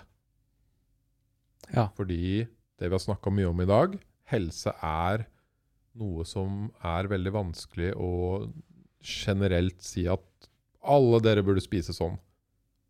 Det funker ikke på den måten. Ah, nei, nei, I det hele tatt. Nei. Kanskje du trenger vitamin D, men jeg trenger ikke vitamin D. Ja, ja. Kanskje du har godt av å spise kjøtt tre ganger i uka, men kroppen min hater det. ikke sant? Ja, sant. For eksempel. Ja. Og det sa han, det kommer til å endre seg enormt de ti neste årene. da. Så det blir spennende. Det blir veldig spennende. Og han sa det, det kommer til å gjøre at vi lever lenger. Ikke sant? For jeg spurte når er første, Ja. person, er første personen født i dag som kommer til å leve til, til personen blir 200 år. Ja. Det trodde han. Han trodde det. Ja. For det første er det personifisert helsedata. Ja. Ikke sant? som kan gi deg gode råd til å ta riktig valg. Som gjør at du sover bedre, du er Tror du at de folkene kommer til å ta de valgene, da? Ja, en del. Et, en, noen. Noen en del. kommer til å gjøre det. Mm, Så det, ja. Men de er jo ofte litt på spekteret, da. det kan hende. Altså sånn, jeg tenker at uh, jo mer data du får som tilsier at du, du burde spise det her fordi det er optimalt, eller gjøre de tingene, da, så kommer du kanskje mest sannsynligvis ikke til å gjøre det. Det kan også hende. Eller uh, du kommer til å angste rundt det når du ikke gjør det. Så derfor har det en nedbrytende effekt. da. At, Det, det eh, kan skje. ja. Og så spørs det igjen hvordan du får presentert dataen, og hva dataen liksom eh, Hvordan får du den informasjonen til deg? Hvis den Woopen her nå sier at eh, du har sovet Jeg har sovet 30 bedre den siste måneden Ja. av øyemaske, så bruker jeg det. Ja. Med glede. Ja. Og av magnesium. Yes, konge. Så det er jo noen sånne små hacks, ikke sant? Men så kan det være ting som er vanskelig for folk, som uh, du har vært vegan en måned. Det er bra for deg. Ja. Den er vanskeligere for folk. Ja. Men altså, det Ja. var den ene tingen, da. Personifisert data eh, rundt helse. Og den andre tingen er jo, som han sa har skjedd de siste egentlig 30-40 årene, at vi bytter ut kroppsdeler med maskiner. Det er fett. Og han sa jo det er rart ikke folk tenker på det, men det er jo veldig vanlig å bytte ut hofter og knær og, Ja. og sånn. Vi, vi tenker bare ikke på det på den måten. Og det kommer til å bare komme i større grad at du kan bytte ut andre kroppsdeler også. Hvilken kroppsdel ville du bytte ut? Uh, ja, det, er, det er et kult spørsmål. Hvilken kroppsdel ville jeg bytta ut? Uh, lungene? Mm. Kanskje? Jeg vet ikke. Lungene er vel noe som kunne boosta veldig mye, Ja. tror jeg. Eh, jeg, vet, jeg vet jo at uh, Skeptisk til lungene. Ja, men jeg, vet jo at lungene, da, dem kan du sånn volummessig De blir ikke større etter uh, endt pubertet. Nei. Hvis du har lyst til å øke oksygenopptaket ditt, så må du gjøre det på andre måter enn å øke volumet. Da er det jo Mm. altså på cellenivå og hjertekapasitet. Men uh, med lungene hvis, hvis du har røyka masse, selvfølgelig, Ja. kan jo hente noe på å bare bytte ut lunger. ja, og lever og nyrer og Ja, ja. den pakka der. Jeg hadde jo også en, eh, en kar her som er en av verdens mest transplanterte mennesker. Shit. Truls. Ja, jeg så den tittelen. Jeg, Ja. jeg har ikke hørt episoden. Ja, hva, hva, hva han var transplantert på, da? Hva, Nei, det meste. Ja. Men det sykeste var egentlig å høre om at den har bytta hjerte og lunger. Ok, det, eneste, det, det ene som var sykt med det, var at han ledde jo med en fæl sykdom Ja. som gjorde at kropp, kroppen hans bare shutta down, ikke sant. En ganske hard oppvekst. Veldig hard. Det var sånn gikk tur ut av huset, da hosta han blod. Hver dag. Mm. Og han hørte hele livet at du har så sterkt hjerte. Du er så sterkt menneske du er så, fordi du har så sterkt hjerte. Og det, ikke sant, det er det man ofte liksom forbinder med at hjertet er noe som har med deg som person å gjøre. ikke sant? Helt til den dagen Ja. legen hans sa at nå skal vi bytte ut hjertet og lungene dine. Og så tenkte han bare Men alle har jo sagt at det er hjertet som gjør meg så sterk i livet. Ja. Hmm. Kanskje det ikke er det. det er ikke det som liksom er meg. Og så bytta han ut hjertet og lungene. Og den første fun facten med å gjøre det Han sa han våkna, og så hosta han og harka litt. Og så bare Ja, ny spyttesmak.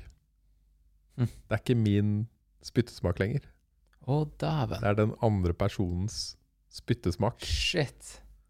Det var første sjokket. Ja, for du, du vet den der, den der lukta Du vet når du var Ikke bare når du var liten, men du vet når du liksom dro hjem til andre og skulle overnatte, og den der lukta som bare slo deg i trynet når du åpna døra i et nytt fremmed hus Ja, til den andre familien. Alle familier har sin lukt. absolutt. Det syns jeg var veldig interessant da jeg var liten. Mm. Eh, og hvis du bare plutselig en dag skulle endra den lukta di, Ja, tenk det på det. hadde vært en mindfuck. Så han sa han åh, harka opp Ja. en annen den forrige personens hark. ja. Og så bare Det smakte og lukta veldig annerledes, det. Ja. Mm. Og nummer to, som han sa, var jo at eh, han fikk basically satt inn en racerbilmotor i en gammel eh, Hvor det hadde tidligere vært en gammel utslitt eh, Golf, ikke sant? Og han sa han satt de første ukene på og spiste liksom middag med foreldrene sine. Ja. Og de tre satt og hørte på hjertet hans liksom dunk, dunk, dunk, dunk, dunk. Ja. Liksom helbrede kroppen og fikse ting og komme i gang. Så han bare, han syntes det var helt rått. Han hadde jo fått en racermotor inn i kroppen sin. Og Ja, det bedre må- helse. Det må være sprøtt, altså. Ja. Men sa han noe om, eh, om eh, hvordan han eh, hva, han tenkte rundt det her med liksom å ta valg basert på hjertet? Altså hjert, den magefølelsen og hjertefølelsen. ja, han sa det forsvant jo litt, da. Ja. Mm. Ja. At han alltid har hørt det, men det maka liksom ikke så mye sens lenger når ja. Han var ikke like in tune med, med det nye hjertet, eller? Jo, han, var, han ble in tune med det òg. Ja. Men akkurat disse ordtakene da, om at hjertet har så mye å si, Ja. det falt litt bort. Ja, ikke sant? Det var ikke, det, det var ikke sant. Ja, da har vi avkreftet det, da. Ja. Av en ekte kar som har testa det. Men de har alltid sagt at det er liksom det andre hjernen. Ja. Og det er jo tett knytta sammen, men tydeligvis så kan du bytte det ut. Og, og det er vel eh, ja, Det kommer til å bare skje så sykt mye kult innenfor teknologien av de, innen, innen vår levetid. Så det blir veldig interessant å se. Ja, ja. Altså, selvfølgelig begrensa hvor mange som kan donere nye hjerte og lunger, men når du kan vekse det fram i laboratorium, Ja. eksempel, eller få, få nyre fra og, og bare ting fra griser Mm. som er dyrka fram i farmer, ikke sant, på veldig inhumant vis. Ja. Så ja. Ja, det at du kan vokse kroppsdeler, er helt spinnvilt. Ja. Og det begynner jo å komme. det gjør jo det. Der, har du, der kan du sikkert dope deg, da. Ja. Det blir ikke tatt i doping på det. Ja, tenk innenfor sport, da. Ja, Det har jeg egentlig ikke tenkt på, men tenk innenfor sånn, liksom, sånn ekstremløping som du driver med, hvor ikke sant? Fordi, som vi har snakka om, folk liker å ta til, ting til det ekstreme. Ja. Og kanskje også spesielt innenfor sportsgrener av og til. Da. Du har jo hørt om uh, doping i alle år, innenfor alt, ikke sant? Innenfor veldig, veldig mye, i hvert fall. Og tenk nå det nye som sikkert kommer de neste årene, er bare sånn som man som blir helt sykt for Bare sånn, bytte av hjerte og lunger. Ja. For da kunne han løpe lenger. Sant? Ja, eller sånn som jeg har hørte han driver med i Kina, at de liksom eh, for mange år siden starta liksom å planlegge den nye OL-mesteren i, eh, i basket med å pare høye mennesker med hverandre. Det er også doping, er men du kan ikke bli tatt i doping for det. Det kommer fordi- sikkert sånn derre Om ti år så kommer det sånn derre Plutselig begynner alle russerne og kineserne og vinne i alt. Ja, sant? Ja, men det er jo genmodifisering ja. som blir det nye doping. Både pare og genmodifisere Ja. mennesker. Ja, for du kan ikke teste det på en blodprøve. Men det jeg tenker du kan teste, da, er jo intensjonen din. Mm. For det er jo intensjonen din Der sitter uh, svaret. Var intensjonen din å, å få et fortrinn? Hvis svaret er ja, så er det, spør du meg, på EDF doping. Det er det. Ja, ja. Så jeg har tenkt mye på det. Liksom, hva, hva er egentlig doping? Fordi noen er født med bedre kropper enn andre. Altså andre har Noen har bedre, større talent. Ja. Og, og talent som i å bare sånn her Du er laget, Kroppen din er laga for å løpe fort. Fortere enn de fleste andre. Og der har du Du er, du er ikke dopa der. Men, men uh, la oss si at da uh, At det sto på dopinglista at det er ikke lov å sove mer enn seks timer hver natt. Men så snek du deg til å sove åtte timer. Mm. Da er det doping. Ja. Og vi vet jo at liksom å røyke weed eh, er, har ikke noe særlig effekt på liksom, prestasjonen din, men det er ulovlig. Ja. Så hvis du gjør det, så er intensjonen din eh, å, å løpe fortere. Ja. Og da har du dopa deg. Ikke sant. Det er som å være kriminell. altså Raner du en bank, du vet det er ulovlig. Men hadde det vært lovlig, så ville det fortsatt vært eh, en kjip ting å gjøre. Ja. Men det er ikke lov. Så det er kriminelt. Så alt har å gjøre med intensjoner. Mm. Men folk kan jo ljuge om intensjonen sin. Ja, men da Og så er det jo vanskelig å si, da, hvis du ble, ble født med en intensjon om å gjøre det bedre i OL, så, og det er det eneste du har lært i livet ditt, så blir jo det intensjonen i livet ditt, på en måte. Ja. Men der er det også Det er jo ganske hot topic det her med, med transatleter. Ja. Nå. Eh, eh, eh, folk som var jenter som Eller folk som var menn, som uh, skifta kjønn til kvinne.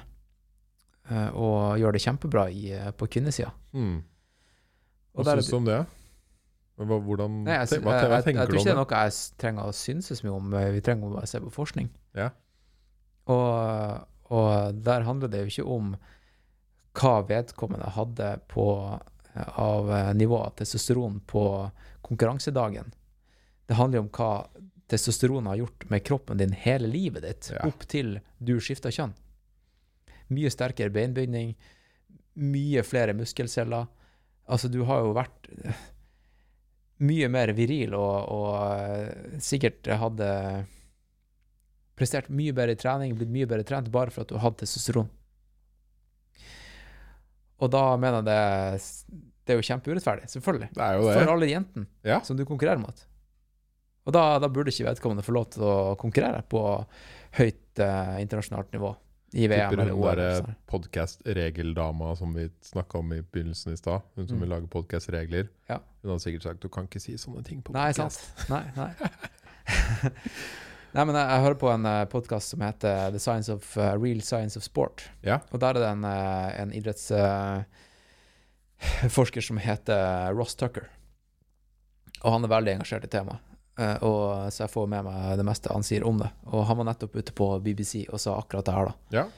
ja, for det er jo ikke rettferdig. Nei, det er jo overhodet ikke det. Men det er jo, det her, vi lever jo i en tid der folk blir krenka på andre sine vegne. Ja. Så dem som, dem som tør å snakke om det her, det er som regel ikke kvinner i kvinneidrett. Fordi at de vet at de har så mye å tape på å snakke om det, Mm. at de holder kjeft. Men det er folk som er krenka på deres vegne, som snakker. Uh, og, og ofte så er det kanskje folk som blir krenka på, de, på dem som har valgt å skifte kjønn sin sak, som velger å snakke. Mm. Så de blir hørt mest. Og da, da blir det ofte kanskje frama litt sånn som at eh, selvfølgelig skal de få lov til å konkurrere. Fordi hvis de identifiserer seg som kvinner, så, så må de få lov til å konkurrere mot andre kvinner. Ja. Men, Men det, det- det, det- blir feil. ja, altså det man til slutt i mitt hode vil ende opp med da, Ja. fordi man tar det til det ekstreme innenfor sport, er at til slutt bare blir det masse menn som blir kvinner. Ja. Ja. Ja, ja. Da, og, og det, å, det å, å, å, ta østrogen eller eh, å skifte kjønn og gå til kvinne, eller gå over til å være kvinne og konkurrere i kvinnerett, og bare knuse alle damer der, da. Det blir jo det samme som at jeg skulle tatt masse steroider og knuse alle menn i min idrett. Ja. Det er urettferdig. Og nå, nå er det ikke sånn at jeg går rundt og har masse mening om det her, men det er i hvert fall det, det jeg tenker om saken. da. Jeg vet ikke hvor, eh, hvor mange tilfeller man kommer til å få av det, for det er jo ikke kjempevanlig å skifte kjønn. Og det er jo ikke sånn at ja, Ikke dem som skifter foreløpig, nei. kjønn, har gjort det for å prestere. At det er en ganske ekstrem ting å gjøre. Mm. jeg, jeg Ja. tviler på at noen har gjort det med, med intensjon om å prestere Ikke bedre i foreløpig, idrett. Nei. Men uh, vi får se. Ja. Nei, så jeg Skulle ikke hvis- forundre meg om det liksom skjedde mer hvis det var greit innenfor sport. Ja. Ja, hvem vet, liksom. Ja. Men uh, kanskje de uh, Det er bra du sier det som det er, uh, som du føler, og det du føler er riktig, fordi folk blir jo så jævlig fort krenka, og du kan nesten ikke si noen ting lenger. Nei, man kan jo ikke det. Nei. Og det er derfor podkast er så viktig. Altså, det her er jo Ja, jeg syns det, altså. Ja. Ikke bare podkast, men bare fri media, som ikke eh, har masse redaktører, og alt trenger ikke være kjempepolitisk korrekt. Mens da må også lytterne være smarte nok til å vite at ting som blir sagt her, er ikke alltid korrekt heller. Mm. Sant? Og det, den er sykt tricky. For det kommer alltid en sinna snik inn på internett. Ja, ja. Uansett hva. Ja. Så bare det, tror jeg nok eh, En sånn her eh, em, og, ah, Hvis folk bare kan være liksom sånn kildekritisk, da, og høre på masse forskjellige podkaster og lese masse artikler, så tror jeg mye er løst. Altså. Hvis folk Mm. kan ha sine egne meninger og høre andre sine meninger. Eh, og der dem som eh, har meninger, sier at hei, vet du hva, det er ikke sikkert at jeg har rett, men det er iallfall det jeg mener. Mm. Så tror jeg vi kan, eh, vi kan Man må jo tørre å si en mening, Ja, det er sant. og folk må vite at poenget med meningen er ikke at du krenker folk. Ikke sant? Nei. Det er ikke Nei, man kan derfor vi sier selvfølgelig- ting. Velge å ikke si ting. Det kan man. Ja. Hvis man er posi. Ja, ikke sant? Da kan man velge det. ja. Podkasten min er ikke så veldig kontroversiell. da. Nei. Sånn. Nei, men du har jo et, fok et fokus på løping og øh, egentlig folk innenfor øh, som gjør det syke ting innenfor trening, da. Ja. Som er veldig kult. Ja. Det er jo et tema i seg selv. Det er det. Mm. Har, du, har du sett noe på alt det Joe Rogan-greiene om dagen, eller? Ja, jeg følger ganske mye med på det. Jeg Ja. det er interessant. Hva, han blir jo virkelig utsatt for eh, cancelling. og og Joe Rogan er jo eh, Ja. Spesielt det siste, da, der noen har klippa til en video der han sier eh, N-ordet Ja. for 10-15 år siden. Og klippa det på en sånn måte eh, som gjør at det høres ut som at han er kjemperasistisk.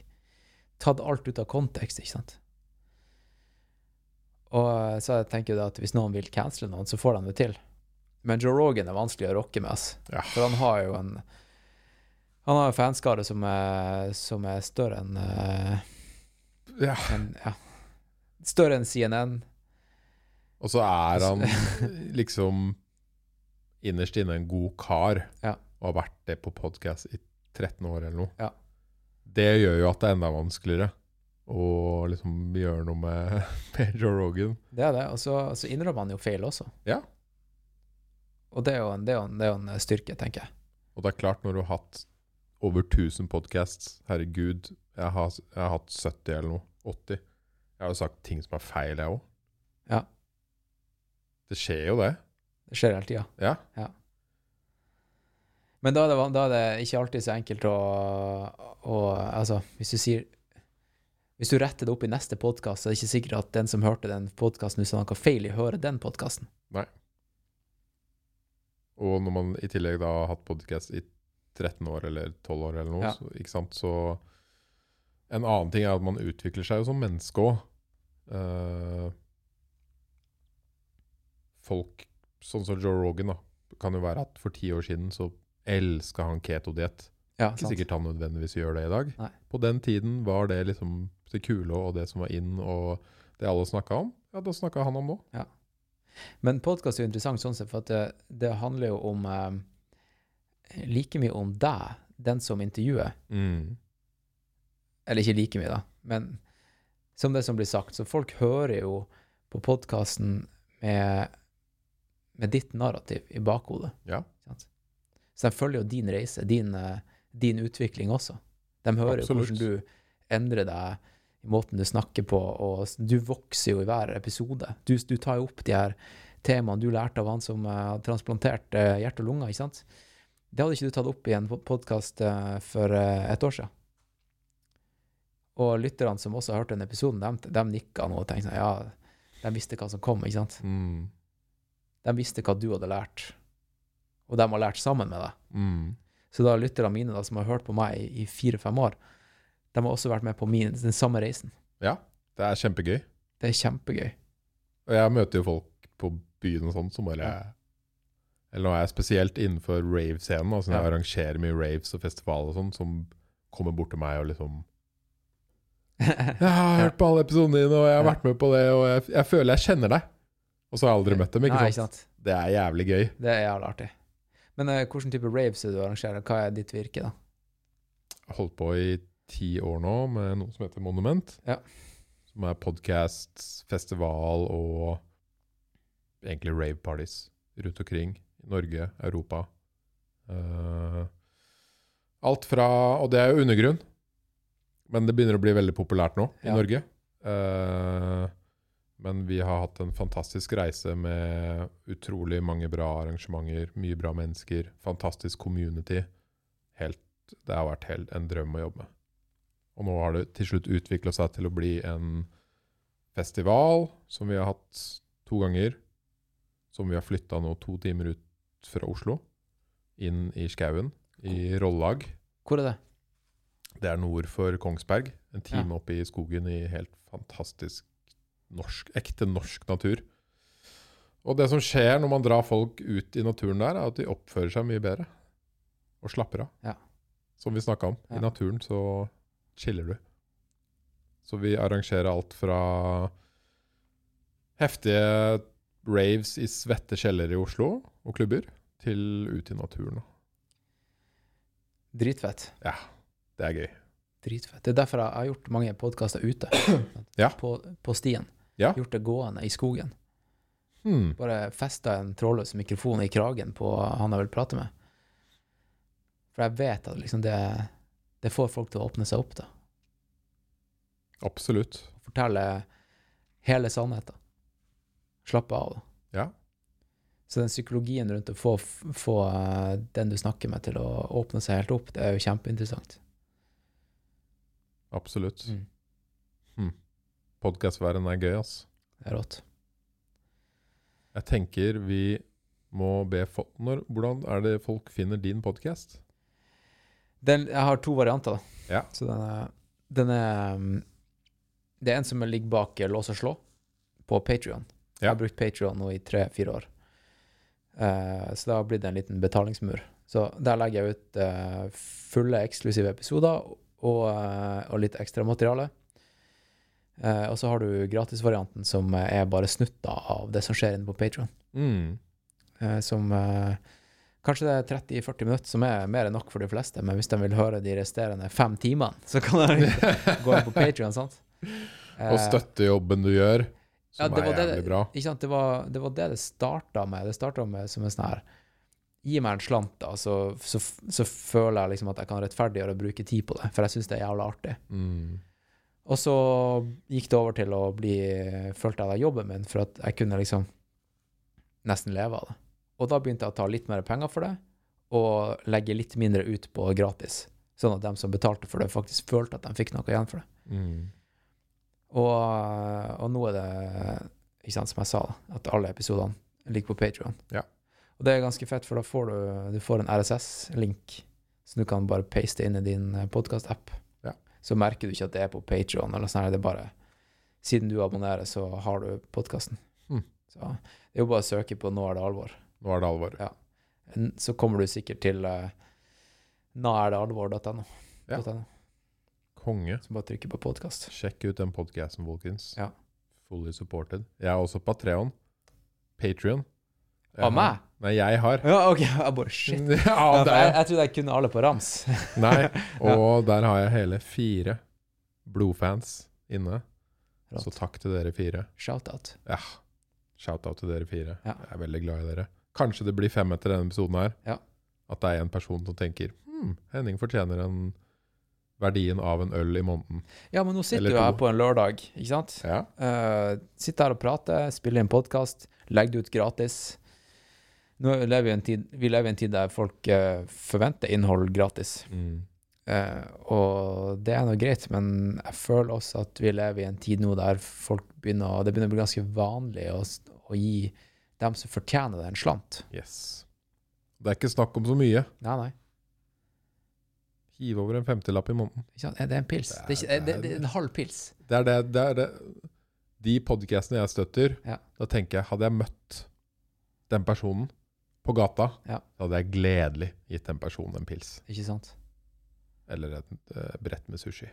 Ja. Nei, men uh, shout-out til Jarle de. Nå ser vi inn i kameraet men eh, Ja. Og så må jeg bare si tusen takk for besøket i dag. Det er helt konge å ha en fellow podcaster her i rommet. Og veldig gøy å høre på, på løpinga di. Har du noen store mål framover forresten, som du skal prøve å få til? Er det noe eh, nytt løp du skal Jeg har, eh, jeg har en tanke om, om et sånt prosjekt som jeg har, da. Eh, og det er å løpe Har du vært i Tromsø? Har du sett fjellet Blåmannen? Det er ganske markant liksom oppe på Kvaløya. Ja. Det ser ut som en stor nese i profil. At det er liksom en som ligger opp, opp med nesa opp i været. Eh, Og så har du fjellet Tromsdalstind, som er liksom det her, det, her, det som liksom nesten definerer utsikta fra, fra Tromsø, fra øya, inn i Tromsdalen. Det som ligger innerst der. Ser ut som en Mm. rose. Og så har du fjellet bak der, som heter Hamperokken.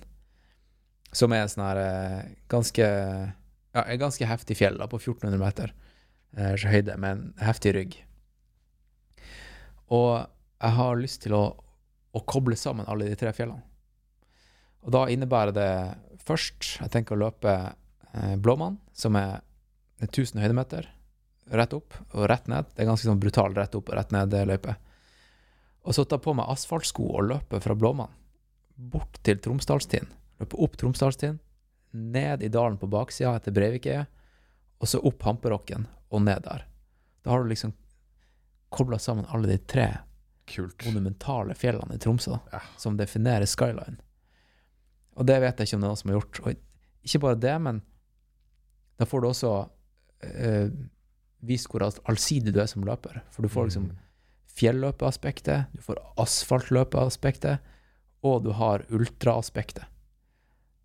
Og det er ca. tre mil mellom eh, Blåmann og foten til Tromsdalstinden. Og da gjør jeg den tre- tre- så fort som mulig, og selvfølgelig de andre fjellene. Så det, Helt rått. det tenker jeg å gjøre, og så har jeg et eh, eh, 100 km løp i Alpene i august som jeg skal gjøre. Veldig bra. Mm. Digger å følge med på Instagram, som dere også kan følge. Så der deler du jo din reise, Mm. som er veldig bra. Tusen takk for besøket. Takk sjøl, ass. Yes.